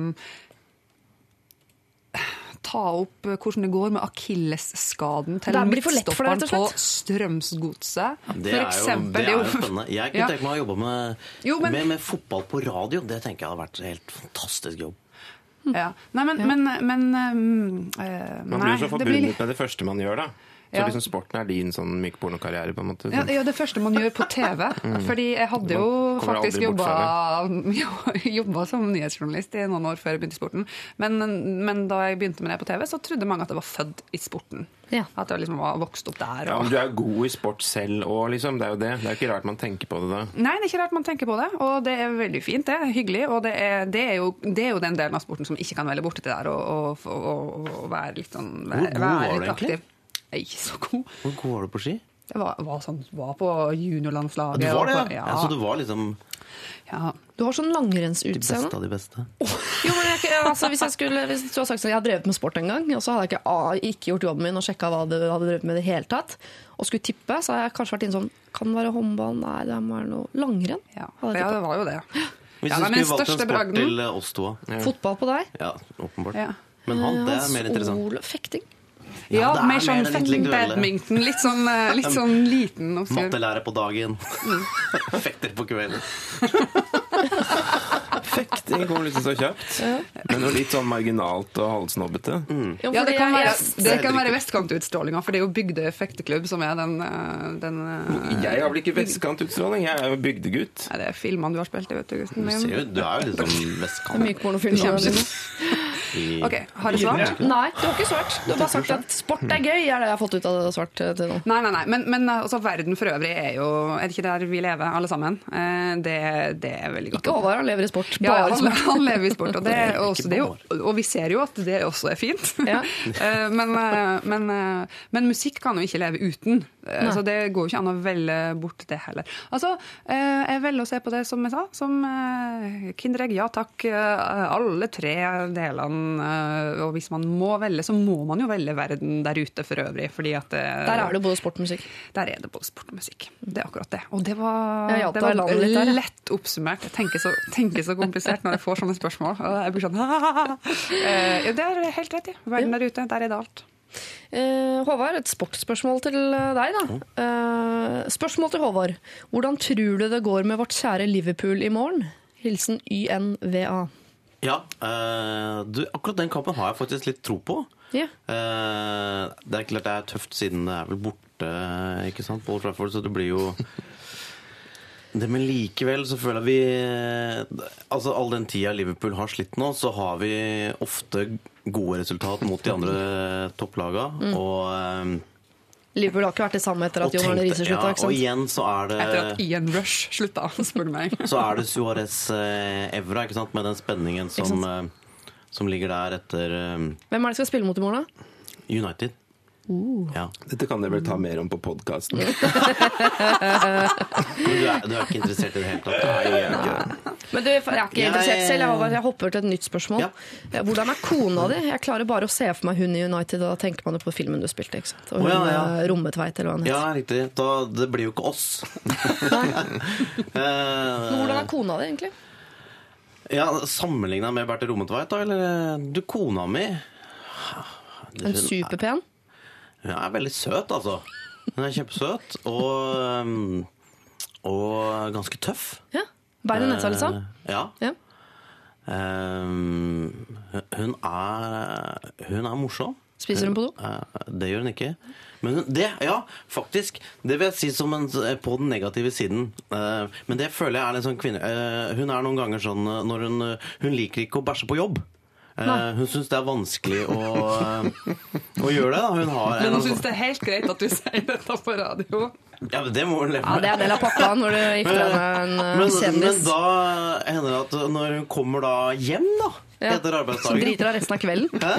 Nei, Nei, men da er, altså Det første hun kommer, da når hun skal møte meg og, og, og vår, vår felles sønn, så er det det første hun sier 'Jeg må på bæsjeapparatet'. Og det føler jeg er at Er trønder. Ja, hun er det. Og så, og så, og så, og så tenker jeg noen ganger på det, så tenker jeg at, eh, at det, det, er jo, det er jo meg du har valgt å leve livet med. Ja. Ikke sant? Uh, mens de på jobben, dere har på en måte bare Det er bare samme organisasjon eller menneske som betaler lønna deres. Hvorfor kan du ikke heller tenke litt omvendt? At det er ikke så nøye om jeg bæsjer der med de folka, men når jeg kommer hjem, da skal jeg være dronning. Så jeg Være føler et akkurat tempel for mannen min. Ja, Ja. Der burde hun, akkurat der har hun et lite fokusproblem. Hun Burde vært ferdigdrenert når hun kom hjem. Masse stykker det. Har måtte vært til for meg. Så Men det, men det oppsummerer Jeg føler også det oppsummerer litt eh, hvem hun er i positiv forstand. Ja, Nå har jeg glemt at det første sa, det jeg husker, er at hun er trønder og driter en del. Eh, Over til Hans Olav Brenner. Eh, Fektespørsmål. Nei, du har en svært sexy stemmebrenner. Fy faen, står der. Um, og så, eh, Programmet hans er blant de beste som noen gang har rullet over skjermen min. Bra jobba. Og det er i forbindelse med programmet du får eh, spørsmål her. da. Fantastisk premiere av bilprogrammet ditt. Gleder meg til mer. Men hvordan var det maskulinitetskurset? Lærte du noe? Det er ikke, Du står ikke i kursiv, altså jeg valgte, valgte å legge trykket der selv. Altså, ja, altså, vi var jo da på et maskulinitetskurs hvor eh, menn som hadde gått seg litt vill i mannsrollen, skulle ja, finne tilbake til sin eh, mannskraft. Da. Og det kan jeg kjenne at jeg trenger innimellom òg. Og for å få innpass i det kurset, så måtte jeg være med til en viss grad. Eh, Og det innebar en god del sånn skriking og liksom finne tilbake til sin urkraft. Og det syns jeg gikk greit. Å fortelle litt sånn intime detaljer fra sitt eget liv som mann. da. Eh, Og stå frem i plenum og sånn. Og det var jeg med på inntil en viss grad. Men så hadde vi sånn pause, og så kom folk bort og Veldig fint program og fulgt deg fra starten. og det var veldig mye sånn. Og Ja. da gikk jeg liksom fra å være en vanlig mann på mannskurs til å bli en som flere visste for. Da, da kjente jeg at jeg ble sånn ordentlig pinneberørt. Hørtes kanskje litt selvopptatt ut, men, men da ble jeg dårligere på å skrike etter den pausen. eh, rett og slett. Eh, men eh, altså, det virka jo for de mennene, da. Ble de mer menn? Er det ikke Ja, vet- litt feminint å gå på sånn fin urkraften din i plenum i et sånt telt ute i Sørkedalen? Altså, det var veldig, veldig, Dere kan være skeptiske, men det var veldig normale menn som kom dit. Ja. eh, Og som så litt fortrykt ut da de kom. Mener du at det er normale menn som oppsøker et sånt kurs? Um, Ja, de virket veldig, veldig normale. Og så kom de, og så på søndagen så var de liksom letta og utvekslet telefonnummer. Men altså Hvem er det som organiserer disse kursene? Nei, det er to karer, da. En eh, psykiater og en eh, psykoterapeut som, som driver disse kursene. Eh, og vi bare fant en annonse i avisa og tenkte at eh, i et maskulinitetsprogram så må vi finne ut hvem som syns at de trenger å gå på kurs for å finne mannskraften. Da. Men så merka du at de ble annerledes i løpet av helga? Ja, Mennene ble annerledes, ja. De det. det. ble de. Jeg vet jo ikke lenge hvor, hvor lenge effekten varer. Nei. Men det er rart hva det gjør med deg å få skreket ut litt. Og, og lukter det ilandsproblem? Lukter eh, ilandsproblem, ja, men det er, Er er det rom for. for. helt sånn her, finn din egen indre? Finn din indre moskus. Det er liksom det, det, Vet du hva? Vet du hva?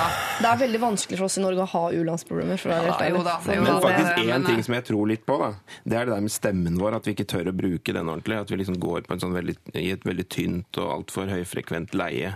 Og liksom Ikke du, da. for vi fikk jo, før det startet du med at du er en Ja, meget litt sexy stemmebrenner. Fy faen. kobling der. Ja, det, det- er av mannskurs, Ja, ikke men sant? Det er et herreproblem. Det er snarere tvert imot. Alle, alle nesten eh, jenter som eh, skal jobbe i radio, eh, går jo til hus...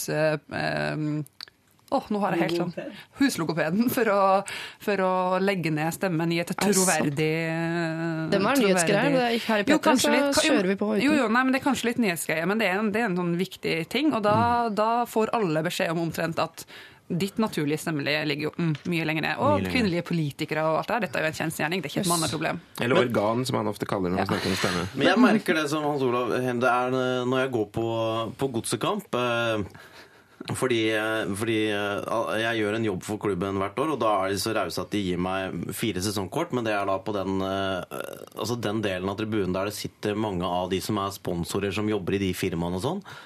Eh, Og der opplever jeg det veldig sånn at noen ganger så føles det som jeg er den eneste som roper på den delen av tribunen. Og at det, folk, at det skjer et eller annet med folk idet de får seg en eller annen mellomlederstilling eller mellomleder pluss, at de tror at da, da kan de ikke rope lenger på match. Altså i, i virkeligheten. Og det, og det mener jeg bare rop, folkens, hvis du er forbanna. Det er, det er jo det, det, altså det Fotball handler jo om mye, at du skal prøve å forstå spillet og ha glede av.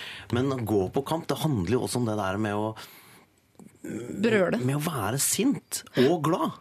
Enig. Og, og kjenne på toppene og bunnene. Og det, det, må du, det må du gjøre på ordentlig. Du må gjøre det på ordentlig, men det, det, og det er jeg helt enig i. Og jeg går inn 100 når jeg er på fotballkamp. Nå, sist jeg hadde det sånn, det var cupfinalen i år for Tromsø, som jeg er veldig veldig glad i. Tromsø idrettslag uh, var i cupfinalen, uh, og det gikk jo, som vi husker, ganske dårlig.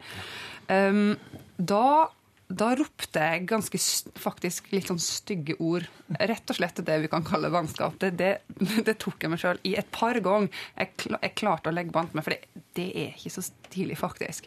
Jeg syns ikke det, eh, nei, jeg syns ikke det er stilig når og Det føles her, godt der òg, da. Ja da, det gjør det, men her kommer den der um, det, er- det, det, det, det er Kanskje ikke lov å si, men jeg, jeg syns uh, NRK-logopeden, jenter, som liksom. står og, jenter som står og brøler Mm, det er nesten, det, det, og det handler om vane. Man er mer vant til å se gutta gå av skaftet. Og jeg tok meg sjøl i å være litt sånn der, litt sånn harrytass-jente som ropte, røste meg opp og ropte F. Og så satte jeg meg ned etterpå og tenkte det der må du slutte med.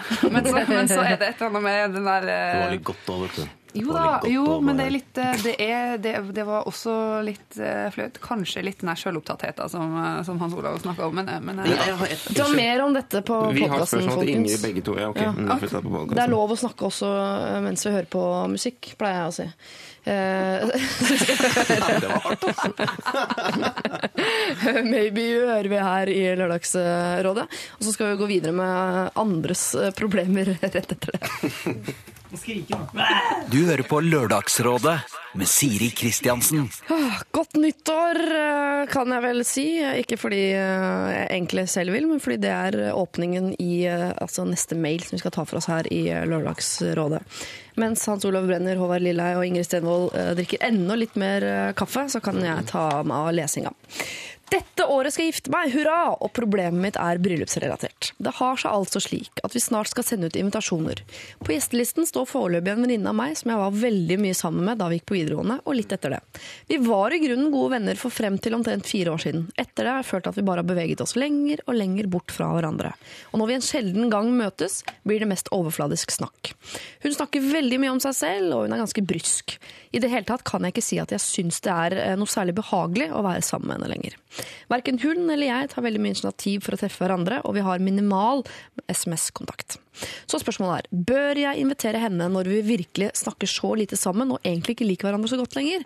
Jeg føler ikke at vennskapet er levedyktig, og jeg tviler på at jeg kommer til å savne henne i bryllupet mitt. Men jeg vet at hvis jeg lar være å invitere henne, så kommer hun til å bli veldig fornærmet, og vi kommer ikke til å kunne møtes eller snakke normalt med hverandre igjen noensinne. Det blir litt som å trekke ut kontakten, hvis dere skjønner. Man hører hele tiden om venner som vokser fra hverandre, men som finner hverandre igjen etter noen år. Hun kommer til å ta det veldig tungt hvis hun ikke får komme, og da lurer jeg på om jeg bare skal invitere henne for å unngå å såre henne. Er det smålig av meg å bruke bryllupet som en mulighet til å straffe henne? Det er jo nemlig det jeg gjør ved å ikke invitere henne. Hvordan skal jeg da eventuelt ta det opp med henne hvis jeg velger å da ikke invitere? På forhånd tusen takk.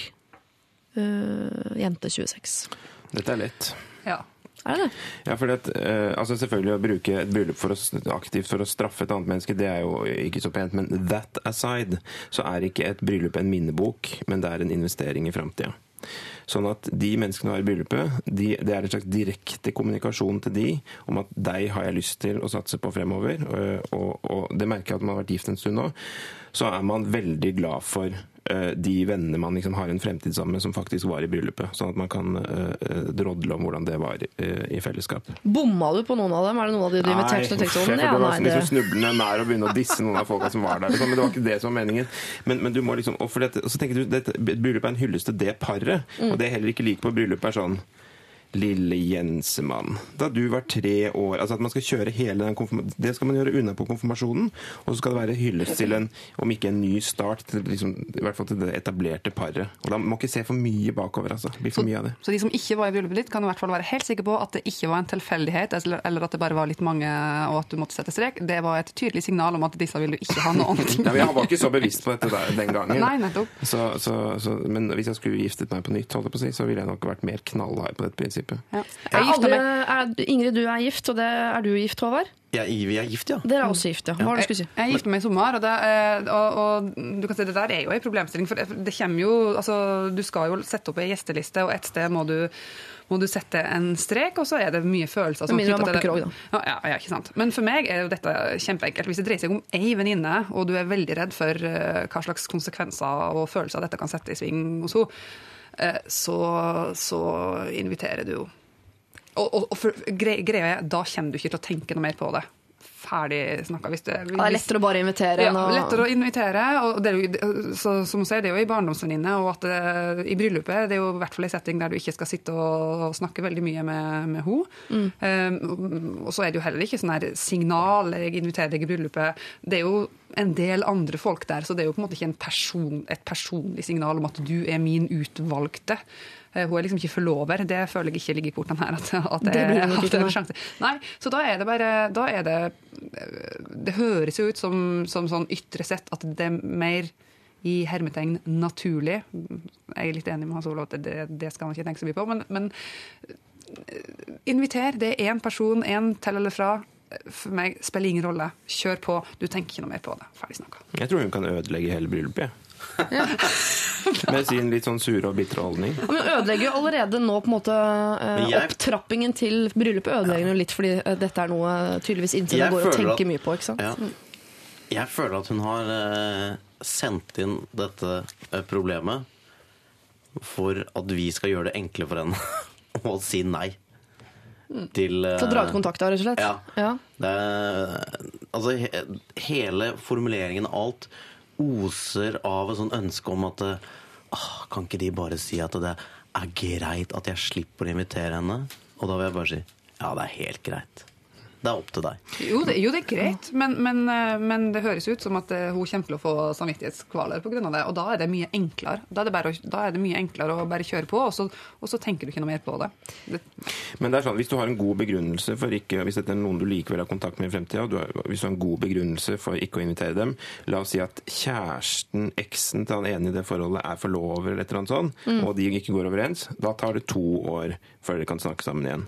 Hvis du bare gjør et blankt avslag, liksom du bare lar være å invitere på, uten noe god grunn, så, så kan dere snakke sammen igjen etter fem år, har jeg erfart. Ja. Jeg er fem- møtte, for jeg møtte igjen noen etter fem år, og det er litt sur oppstart på den samtalen, men så gikk det kjempefint. Men jeg Jeg tror da at hvis hun eh, At selve bryllupet for henne blir eh, kulere hvis hun ikke inviterer henne. Og det tror jeg fordi at uh, hvis hun ikke inviterer henne, så er det litt sånn ah, Du føler litt på det i, i eh, selve oppbyggingen til, før bryllupet. Men når du er der, og det er fest, så har du glemt det. Da er det bare topp stemning, og du er stjerna for kvelden, og alt er bra. Men hvis du inviterer henne, så sitter du og spiser, og så ser du liksom Å, der sitter hun, ja. Nei, nei, det er akkurat det samme. etterpå? Nei, nei, det, det er for lenge siden dere gifter dere. Du, du, du får ikke med deg noen ting uansett. Det, det, er liksom, du- det, det går fint. Om hun er der, eller om hun ikke er der. Uh, Gjør det det? Ja.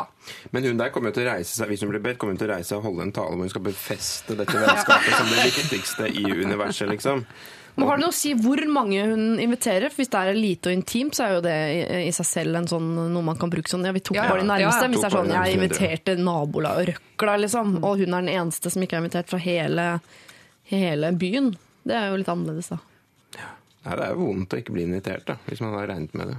Hvis For å ta den. Jo, Ja. men, men sånn, det, men, og, og selvfølgelig er det enklere å argumentere utad for det hvis det er et veldig lite bryllup. Men uansett hvor stort bryllup du er, bortsett fra som du ser hvis du er eh, finansfrue altså, eh, Uansett så må man sette strek et sted. Uansett så har man ikke ubegrensa med plass, og uansett så, så, så man kommer til et sånt punkt uansett. Det Da, så så det, det er eneste som er greit, men jeg hadde, jeg hadde kjørt på. Det, det høres ut som hun har så mye issues hvis hun ikke, hvis hun ikke gjør det, at da, da hadde bare kjørt For det virker jo som hun, eh, Hvis hun vil dra et kontakt, da, så er det jo på vennskapet så er det en gyllen anledning. Men hun er jo litt redd for at de kanskje finner tilbake til hverandre igjen om noen år. Og er redd for at muligheten for det er helt borte hvis hun ikke kommer i bryllupet da.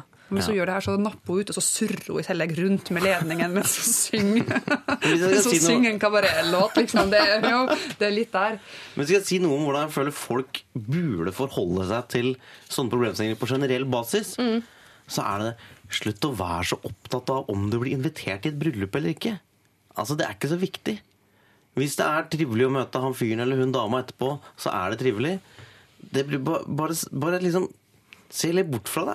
Hvor viktig er det å bli invitert til et bryllup? Det er jo ikke det. Hvis, altså, selvfølgelig Hvis du er liksom bestis og, og du veit at det er dere to skal, kompiser for life, så er det klart, da blir du invitert uansett. Og hvis ikke, så altså, Det har vært bryllupet jeg ikke har blitt invitert litt. til av folk jeg har vært kompiser med, sånn, fordi de har ville ta det mindre, de har reist bort, hva som helst. Det er lov å tenke litt sånn- sammensetning. at Hvis man ikke inviterer, så inviterer man Hvis det er en, har vært en gjeng på fire, da inviterer du ikke tre av de, og ikke den siste. Nei, det er- altså, det noen sånne hensyn må man kunne ta. Reglene må være lett pedagogisk forståelige for de som ikke blir invitert, uten, for at det ikke skal bli forbannelse. Men skal hun, hun spør jo også skal hun ta det opp med henne hvis hun velger å ikke invitere. Eller? Den samtalen kommer til å gå kjempefint. Det er ikke ofte at ironi kommer igjennom på radio, men akkurat den tror jeg de fleste tok. Ikke, sant, ikke, ikke ta det opp med henne. Eller hvis hun velger å la være å invitere. Nå, nå, sitter, vet du hva jeg gjør nå? Nå sitter jeg og, nå sitter jeg og tenker sjøl. Liksom. Nå sitter jeg og tenker Uff, skulle kanskje invitert ah, Nei, hvorfor inviterte ikke Du har, Hvorfor du har mye samvittighet. Nei, ja, ja. Du føler mye på ting. Ja, ja, men, jeg, men dette Nei, men jeg, jeg, kan, jeg kan være kynisk, men jeg er ofte veldig sånn rasjonell kynisk. Men inni hjertet mitt så, så blør jeg. Ja. Nei, men eh, jo, nei, nå sitter vi og snakker om det, og da begynner man å tenke Oi, oi er det sånn? Da burde jeg kanskje mhm. Men, men eh, det er litt sånn der på Det, det er jo det som man så sier, hvem vil man ha kontakt med framover? Man, ikke minst hvem har man mest av kontakt med? Det er jo også en real sak. Ja. Men det, man mister kontakt med noen, da er det kanskje en grunn til det. Og så, og så, og så tror jeg også ofte at folk reagerer mindre enn det man er redd for. Ja. Jeg syns, jeg syns det er godt på poeng det der med gjeng. Altså, Hvis hun er liksom den eneste som blir eh, utelatt i firkløveret, da, da, Nei, det er ikke greit. da er det hardt. Ja. Men jeg må bare si til det. Ingrid så syns jeg ofte man opplever at folk reagerer sterkere enn man hadde gått ut fra. Ja. Nei da. At de blir mer forbanna. Og Har du, har du blitt møtt med direkte konfrontasjon? Ja, men du merker at folk er sure, liksom. Fordi de ikke har vært i bryllupet ditt? Ja, Eller beslektede arrangementer. Ja. Som Hvilke beslektede arrangementer er det? Fornyelse av løfter og den type ting. Ettårsdagen, femårsdagen. Eh, Jeg tror eh, du skal tenke litt på hvilket signal du har lyst til å sende, og hva som, mest, altså hva som gir mest negativ fokus. Hvis det er sånn at eh, du tenker masse på det, og det blir lettere ved å invitere, eller blir lettere ved ikke invitere, så altså, ta hensyn til deg, mannen din, og framtida di, men selvfølgelig er det lov å tenke litt på venninna òg. Du skal ikke invitere bare for å være grei. Men eh, hvis du har lyst til å ha kontakt i årene framover, så kan det være en lur investering å invitere. Hvis du har lyst til å bli kvitt deg, så er det kjempelurt å la være å invitere i bryllup, da, syns jeg. Absolutt.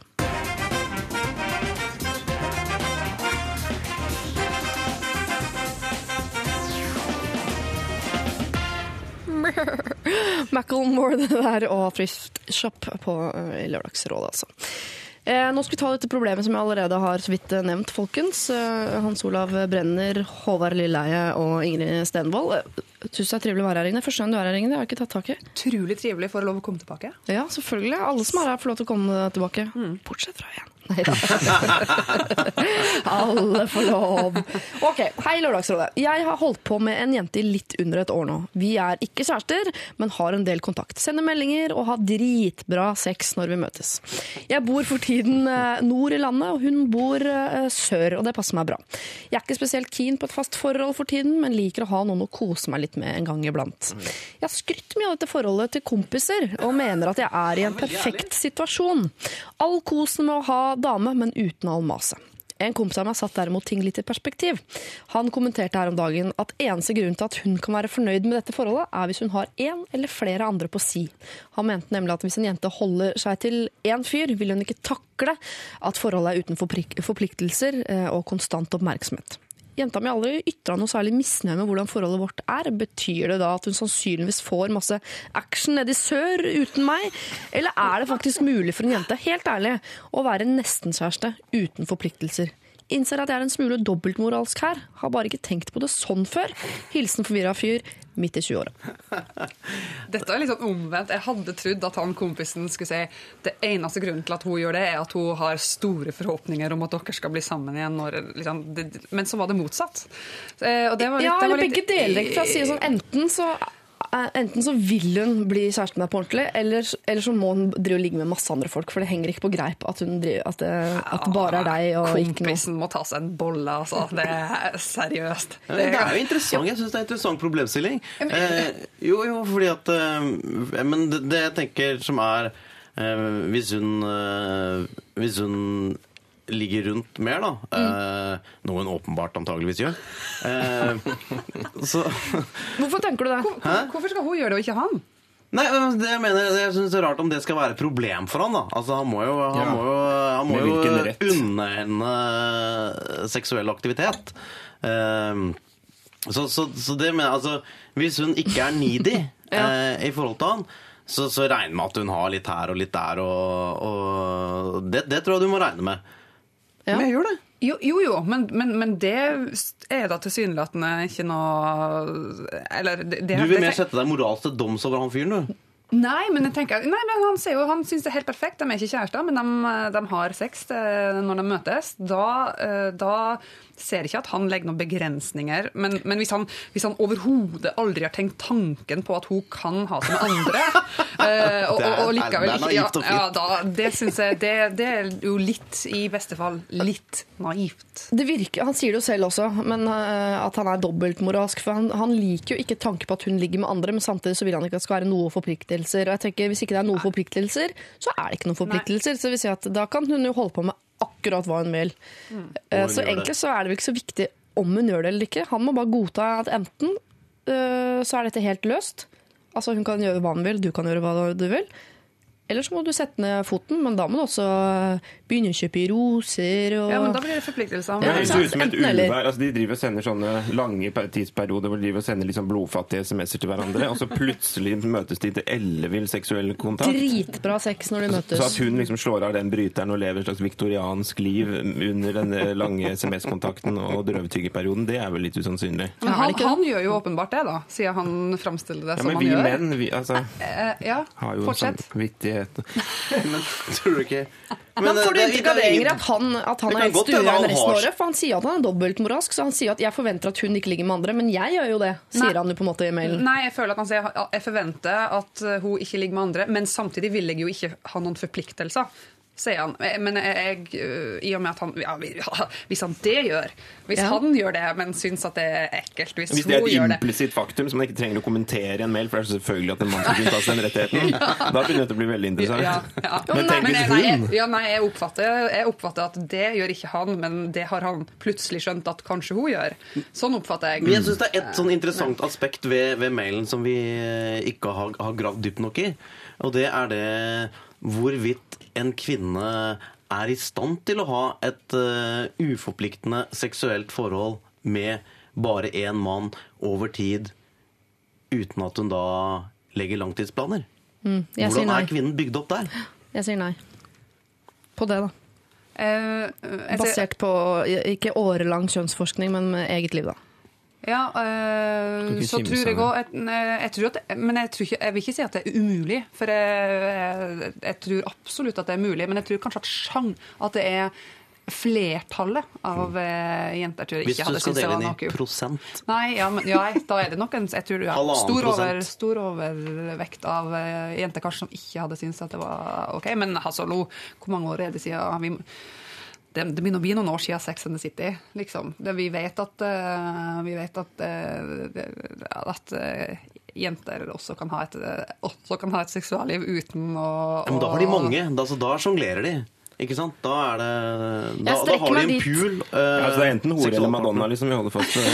Ja, vi holder, det er ikke noe prinsipp, det er riktig. Jeg tror jo absolutt altså Det er mulig for jenter å ligge med gutter uten at de, at de tenker giftermål, selvfølgelig. Men hvis man over tid ligger med uh, samme gutt gjentatte ganger, hver gang han kommer hjem dit du er, så ligger du med den samme gutten sånn uten at man ønsker noe mer, Sesongkåt, det liksom. tror jeg ikke. I hvert fall hvis ikke det hadde hatt noe kontakt mellom. At det var mer sånn 'Å ja, der er han igjen. Ja ja, det er ikke noe annet, uh, annen fersk fisk på markedet, så jeg får bare uh, bolle meg av gårde med en gammel torsk'. Men her er vi jo litt inne på hva, hva rommer denne SMS-kontakten av, uh, av slags ting. Da. For at hvis sporadisk kontakt, og hvis det ikke handler om noen ting annet enn uh, En del kontakt, som du så nest- en sende del- meldinger. Ja, Hva står det inni? Er, Ja, det, ja, er det- 'glad i deg', eller eh, er det Det var på fylla i går? Ja. ja, det er nettopp det. Altså, Valøren av, av den kontakten har jo også selvfølgelig noe å si, og det vet vi, det vet vi litt om. Det han egentlig spør oss om, er det sannsynlig at hun har masse action nede i sør? Altså imellom slaga, er egentlig det han spør om. Masse action i sør. Håvard, du Du, sier jo kan- ja der. Jeg kan si på generell basis det er ganske mye action i sør. Så bare regn med at det er det. Ja, Det er vanskelig for oss å svare på forvirra fyr på 25, men om så er, så må du uh, godta det. Fordi hvis du er i et forhold hvor du sier at her er det ingen forpliktelser, ja, men så er det ikke det, da. Nei. Hvis du ikke vil at hun skal ha noen andre, så er det fordi at du er litt hypp på henne sjøl. Ja, Og da må, da Da må må, du forplikte må han deg, handle eller? deretter. Ja. Men spørs litt hva hun gjør innimellom. da. Er hun intensivsykepleier eller går inn på legestudie eller et eller annet altoppslukende som gjør at hun lever et slags kyskhetsliv innimellom slagene, Mm. så kan det jo sannsynliggjøre at hun er sånn sesongaktiv ja, aktiv på, på, på sexfronten. Men hvis hun har stille og rolig stort sett, så At det er utenom eksamensperioden. Har levert oppgave. Gå inn og sjekk innleveringsfrister og sånn på Livet som student var litt trist, Hans Olav. Eh, Sjansen er i hvert fall uh, veldig til uh, stede, og jeg syns det er rart at ikke du har tenkt på det før uh, kameraten din sa det. Men eh, det var i hvert fall bra han sa det på et eller annet tidspunkt. Altså, sånn at du fikk, fikk opp gluggan eh, der oppe i nord, hvor du befinner deg. Forvirra fortsatt, går jeg ut ifra. Lørdagsrådet Bernhoft, eh, det der, og eh, Choices. Eh, Bernhoft var jo med i- inn i bilen din, han, Hans Ja, Olav han er med i flere av programmene. Ja, og snakket om mannsrollen. Jeg husker ikke akkurat, men Han var bare innom et sånt lite glimt. Mm, det kommer mer av han nå på mandag. Ja, det er jeg faktisk lurt på når dere spiller inn. Tar du da, For hver person som er inne i bilen, så tar du alle programmene sånn. Vi skal snakke om mannsrollen, og så, skal, og så tar du alle med alle. Og så sakse, klippe, limer du etterpå. Vi møter alle 32 ganger. Nei da, vi tar alltid en jafs. For alt enig. Så du kjører Hvor lenge for eksempel, satt du i bil med Vidar Busk? Eh, Et par timer, kanskje. Å, det er ikke mer, det. Det er Men det var litt sånn ekstra. Og så hadde han en enorm hund. Som jeg ble så redd for. Jeg bare kom på det nå. Det dukket opp. Mastiff, Ja, jeg vet ikke hva slags underras det var. var en må- Som liksom hoppet på meg bakfra, så jeg ramlet inn på kjøkkenet. Men det så han på som noe helt normalt, tror jeg. Det var sånn kors, kors. Så det var sånn hundeeier har uh, uh, Hva heter det? Ikke blikk for sin egen hund uh, på sitt verste. Men veldig koselig. Altså. Alle hunder er sånn, nei, verdens snilleste hund. Nei, alle hunder kan ikke være verdens snilleste hund. Noen hunder er drittsekker. Ja, men det er- men jeg- det er veldig snill. Nei, men jeg trodde dette var tull. bikkjer.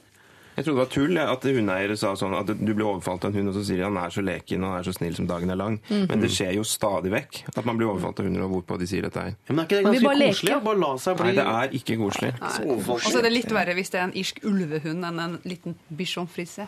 Ja. Som når deg opp til ankelen hvis han hopper. Det er de verste. De er så hissige. Hashtag båndtvang, og så går vi videre. Vi skal holde innom et eh, tema som vi til stadighet er innom her i Lørdagsrådet. Fordi det er eh, betent, og det foregår over en lav sko, eh, nemlig utroskap. Hei! Jeg har gjort det dummeste jeg noensinne har gjort. Jeg har en god kamerat, verdens beste kamerat. Vi har kjent hverandre i mange år, og vi har blitt nære i løpet av disse åra. Han er gift og har barn, og jeg kjenner både barna og kona godt og er veldig glad i dem alle sammen. Jeg anser kona som en god venninne, eh, men ikke av mine nærmeste.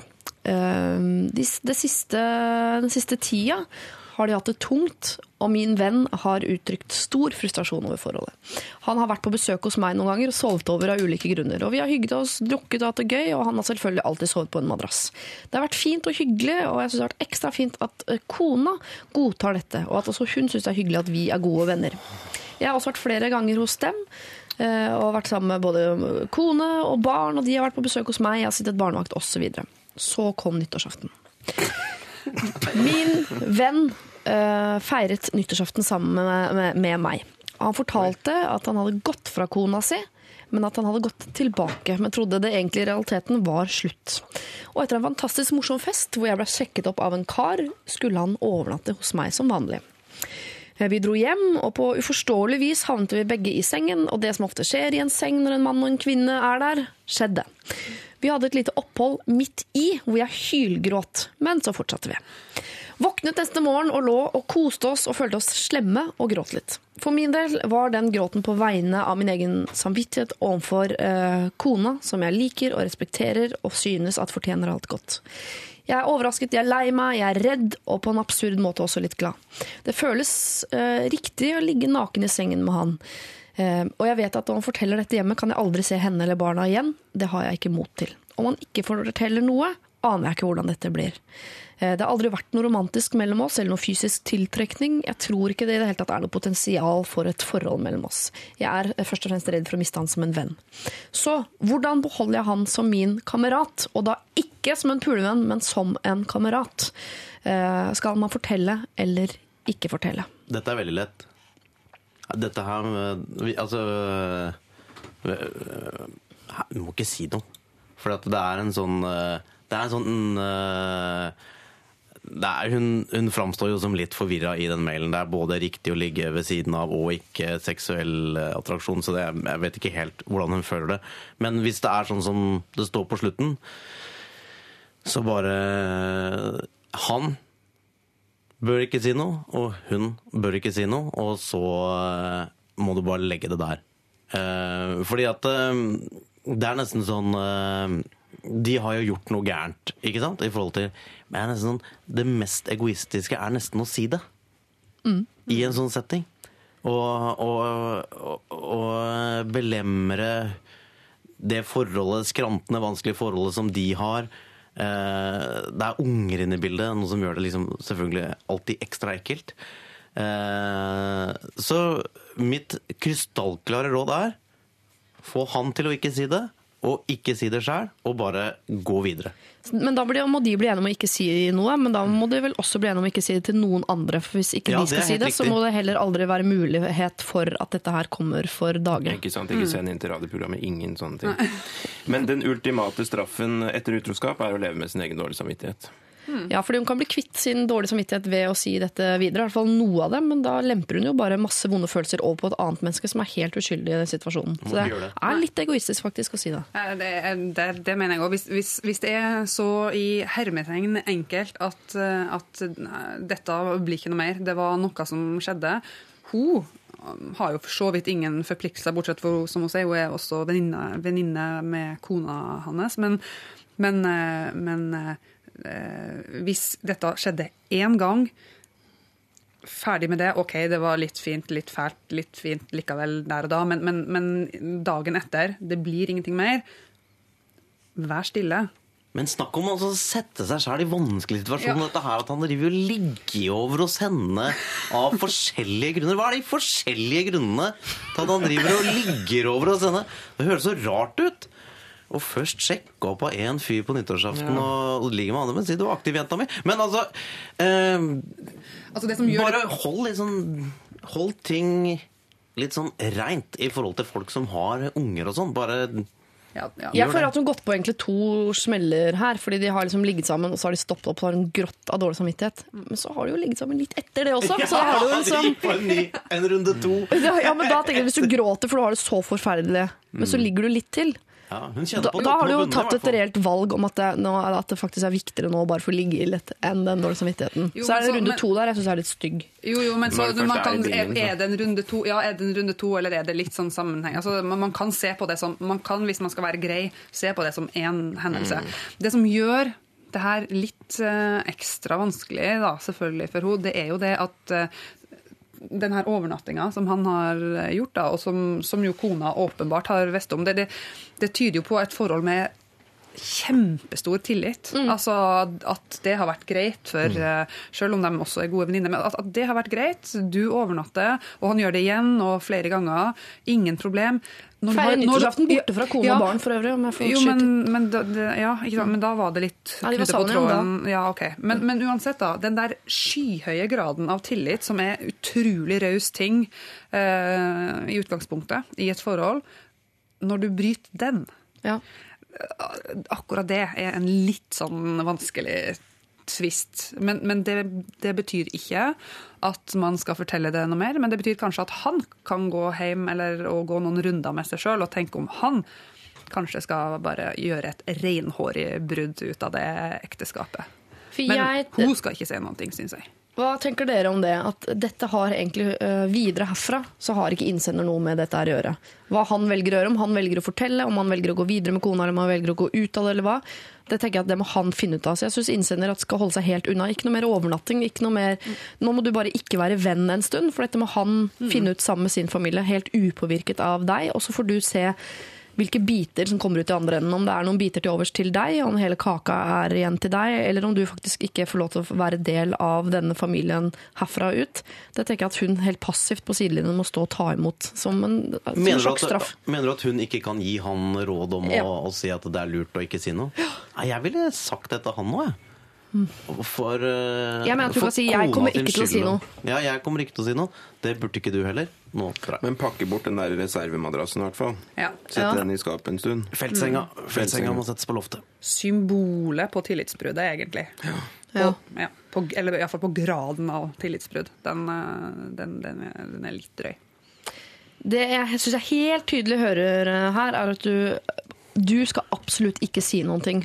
Eh, Nå har ikke han bedt om hjelp, men han bør eh, heller ikke si noen ting. Hvis han ønsker å fortsette vennskapet og med kona fortsette som før, så bør vel han også kanskje eh, ikke si noen ting.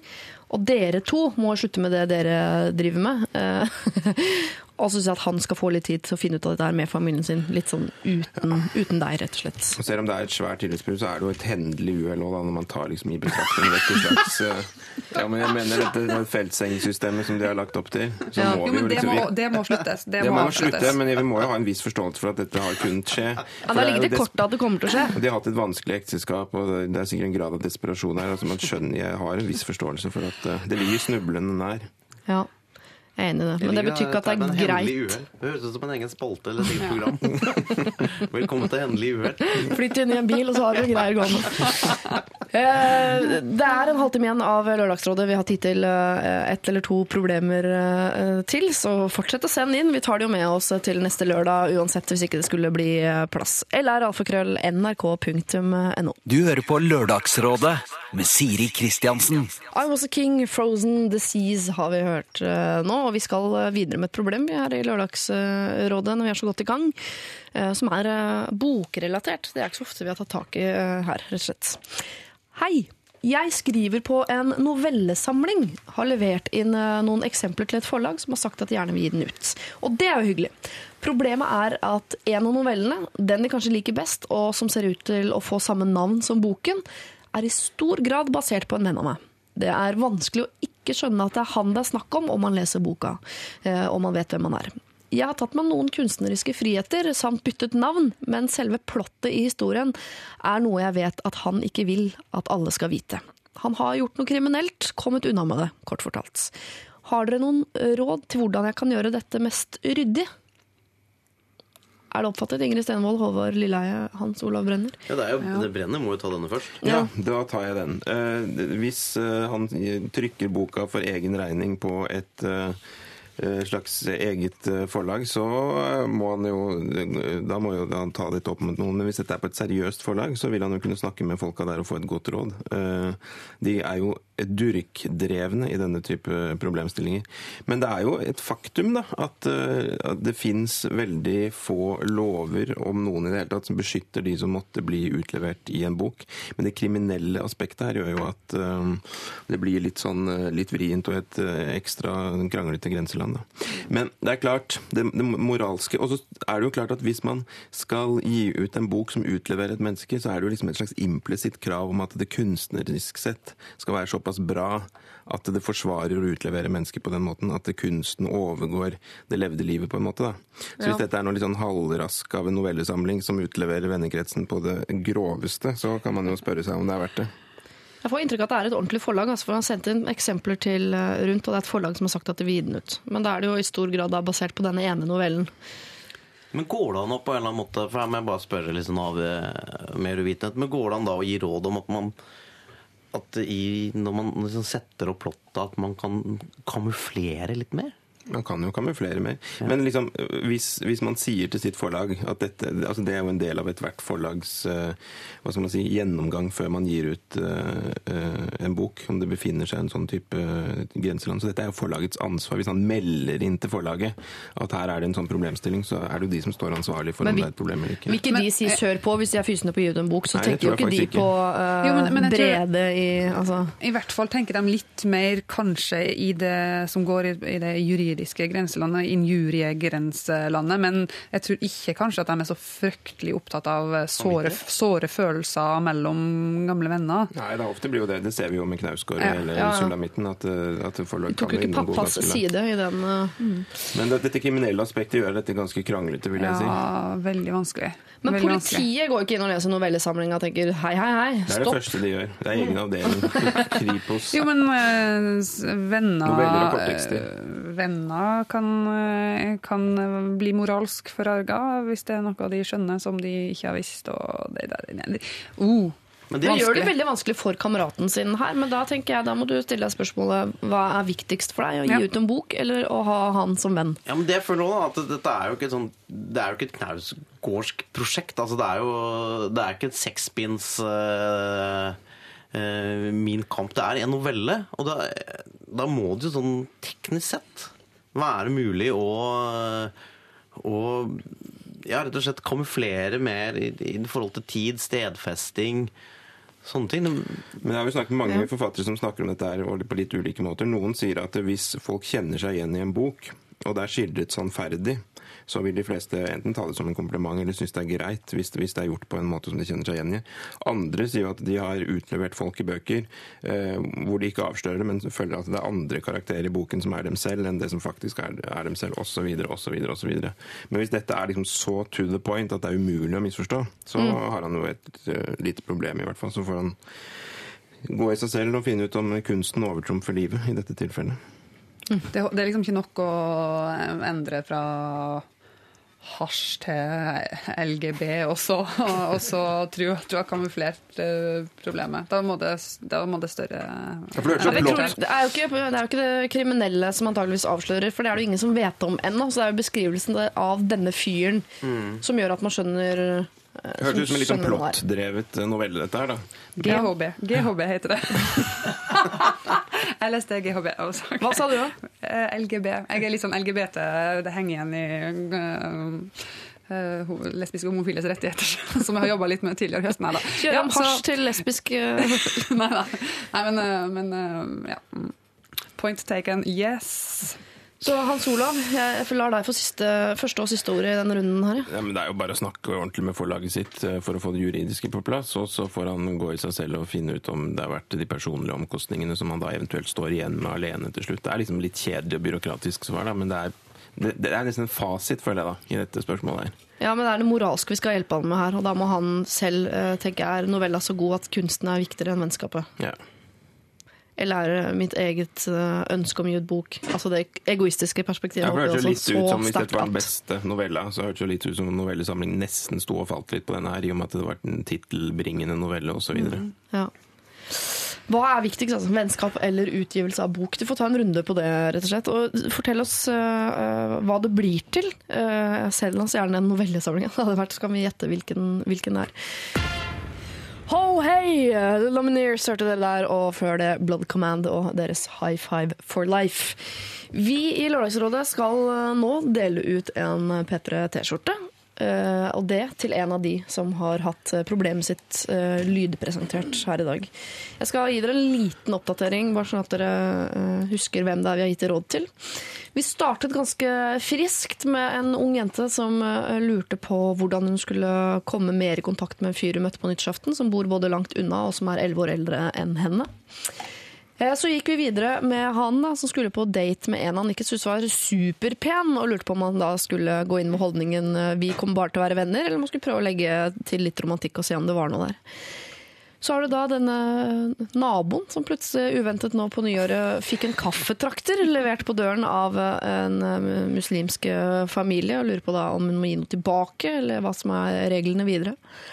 En stakkars gutt som er glad i kjæresten sin, eh, men ikke så glad i det faktum at hun ofte spiser når hun er på do for å effektivisere dagen. Eh, Vi har også prøvd å hjelpe et eh, par som skal gifte seg, gratulerer med det, men er usikker på dette med om man skal invitere en venn som er i ferd med å fase ut, eller om man skal la det være, trekke ut kontakter, rett og slett. En gutt lurte på er det mulig for ei jente å være nesten kjæreste uten forpliktelser. Eh, Det var vi usikre på, rett og slett. Eh, Og så gikk vi videre eh, enda tyngre til verks med dette utroskapsproblemet, der en god venn hadde ligget med en annen god venn, som hun også var god venn med kona til, osv. Et sammensurium av eh, utveksling av kroppsvæsker, altså. Og helt eh, på tampen her, eh, en som ønsker å gi ut bok, men det blir på bekostning av en venn, fordi en, en av vennene vil bli utlevert som kriminell i da en av novellene i denne novellesamlingen. Hvem fortjener T-skjorte, syns dere? Det er jo en del av meg som har litt lyst til å gi det til uh, uh, hun som hadde problemer med det utroskapen. Ja. Men det er klart, det vil jo samtidig Hun kan jo aldri gå med den T-skjorta. Nå har du fått Lørdagsrådet-T-skjorte? Hvorfor det? Så Ja. det, den er rett og slett for vanskelig. Eh, kanskje en, litt av de lettere, altså det, det doproblemet. For det er mer sånn eh, Da kan du få kan kanskje få jentemodell, og så bare gi den til dama si. Så her, den får du hvis du aldri mer spiser mens du bæsjer. Altså som en slags sånn gulrot. Ja. Eh, så det, ja, jeg, jeg faller ned på den. De som ikke må få den, er jo de som har fått kaffetrakten allerede. For nå får de, da får de enda en ting som Må vi går tilbake til P3? Ja, ja. det? Det er Nei, jeg har veldig lyst eh, til å gi det til hun jenta, hun første jenta på, på 23, som, eh, som et lite sånn et vennlig dytt, et lite vennlig puff bak eh, til å ta kontakt med han. Jeg fikk litt god følelse for, for de to. Og tenk så vakkert når de på sin ti års bryllupsdag tar fram T-skjorta fra Lørdagsrådet. Det, det, Men det. tenk deg hvis han allerede nå syns han Jeg likte hun jenta veldig godt, men hun er litt ung. altså. Så Neste gang jeg møtes, så kommer hun i sånn hipster P3-T-skjorte. Sånn, wow. Ah, Ok, jeg husker den til Han er jo på P3 sant, for lenge siden og tenker dette blir for ungt for meg. Med Nei, innspill. jeg tenker det, nei, men han, han liker ungt allerede, så det tåler han. Ja, men jeg tenker at I alle tilfeller så får hun en avklaring på, på det hun går og grunner på. Ja. Så, så uh, hvordan det enn måtte ende opp, så, så Og så, er det fint. og så om ti år, så hun fremdeles er fin i figuren og, og går i den eh, lekne P3T-skjorta med sånn eh, innsving mens Nå fikk Mens det høres ut som en sensasjon at hun er 33 og fortsatt fin Nei, nei, nei. Men eh, det går fortsatt. Mens hans kroppslige forfall har begynt. Han sitter, bil ringer, dårlig holdning, og hun tenker ah, jeg skulle aldri hørt på det rådet fra Lørdagsrådet. Å ja, for de var likevel historie. gift. Ja, ja, det er, men det, er- det, er- det bare tok bort happy ending. Jeg bare gjorde det trist. Ja, jeg føler at det, det, Der ligger det et stort potensial for Ja. den T-skjorta i alle retninger. Hans Olav? Ja, altså, jeg var så klar på at det var det første som skulle få, så da glemte jeg å høre på, på påminnelsen om alle de andre. Ehm, så nå kommer jeg ikke på noen andre, for jeg syns også det var litt sånn Hun løftet en centimeter på skjørtekanten, han sendte en subtil med Altså Det var noe sånn nydelig viktoriansk ved det som jeg falt totalt for. Ja. I motsetning til disse her. Skal jeg kjøre på, eller skal jeg Hun er ikke superpen, men hun er dritdeilig, fy faen. Så var det sånn nydelig start på det hele, da. Så om hun får to T-skjorter, så er ikke det meg imot. Nei. Da synes jeg Dette er jo eneste, eneste sted i Lørdagsrådet hvor folk uh, må, må bli enige. Men det høres ut som dere er ganske enige om at uh, Jente 23 skal få en P3-tørste. Jeg, jeg hiver meg på. Jeg, jeg, jeg, Ja. setter meg ikke imot. Og vi deler ut én En, ja. til sammen. Ja, ja, ja. Du vil dele ut tre, du. Jeg vil dele ut tre. Å, du er så skjønn, altså. Nydelig. Skjønn, Men du kan ikke bli uenig basert på den informasjonen, for du kan ikke da bytte hvem du syns burde få. Nei, det med boka og Nei, fy søren. Ha det. Men nei. Men det jeg syns da, eller er ikke det mulig? For jeg tenker sånn, det som er så, Hvis det skal være et vennlig puff bak, da, Mm. så en jentemodell til henne og en Ja. guttemodell til han. Det dyr til stadighet, rådgiverne, og prøver å, å robbe oss for T-skjorta, Så jeg sender ut én T-skjorte. ja, det er kun én, Ja, ja. da er ja, da blir det jo henne. Ja, det blir henne Ja. som et vennlig puff der bak. Ja. Ja. Så får hun heller trykke opp den andre sjæl, da. Trykke den andre opp sjøl. Ja. Eh, eh, takk for i dag, eh, sære rådgivere. Og ja, Ingrid, du får lov til å komme tilbake som rådgiver. Eh, Det får også du, Håvard. Selvfølgelig. Også du, Hans Majestet Olav Brenner. Det er bare hyggelig. Sweden, det der. Hey, come on, synger eh, de. Vi vil eh, i løpet av noen minutter legge ut dagens sending som eh, en gratis liten podkast til deg, slik at du kan høre alle problemene om igjen, eller høre de du ikke har hørt fordi du skrudde på for seint. Og så vil jeg jo bare da si at vi er her hver eneste lørdag, åpne for nye problemer, så når som helst, midt på natta eller tidlig om morgenen, så er det bare å sende inn det som måtte øh, være deg på hjertet. Eller alfakrøll.nrk.no. Vi er tilbake da neste lørdag. Da kommer i hvert fall Hilde Hummelvold, og i hvert fall Torbjørn Røe Isaksen, og i hvert fall en eller annen til, men jeg vet ikke helt øh, hvem. Så da håper jeg vi høres igjen om en uke klokka ni. Eh, Nå opp mot nyhetene så skal du få Big Bang og deres øh, Wild Bird. Lørdagsrådet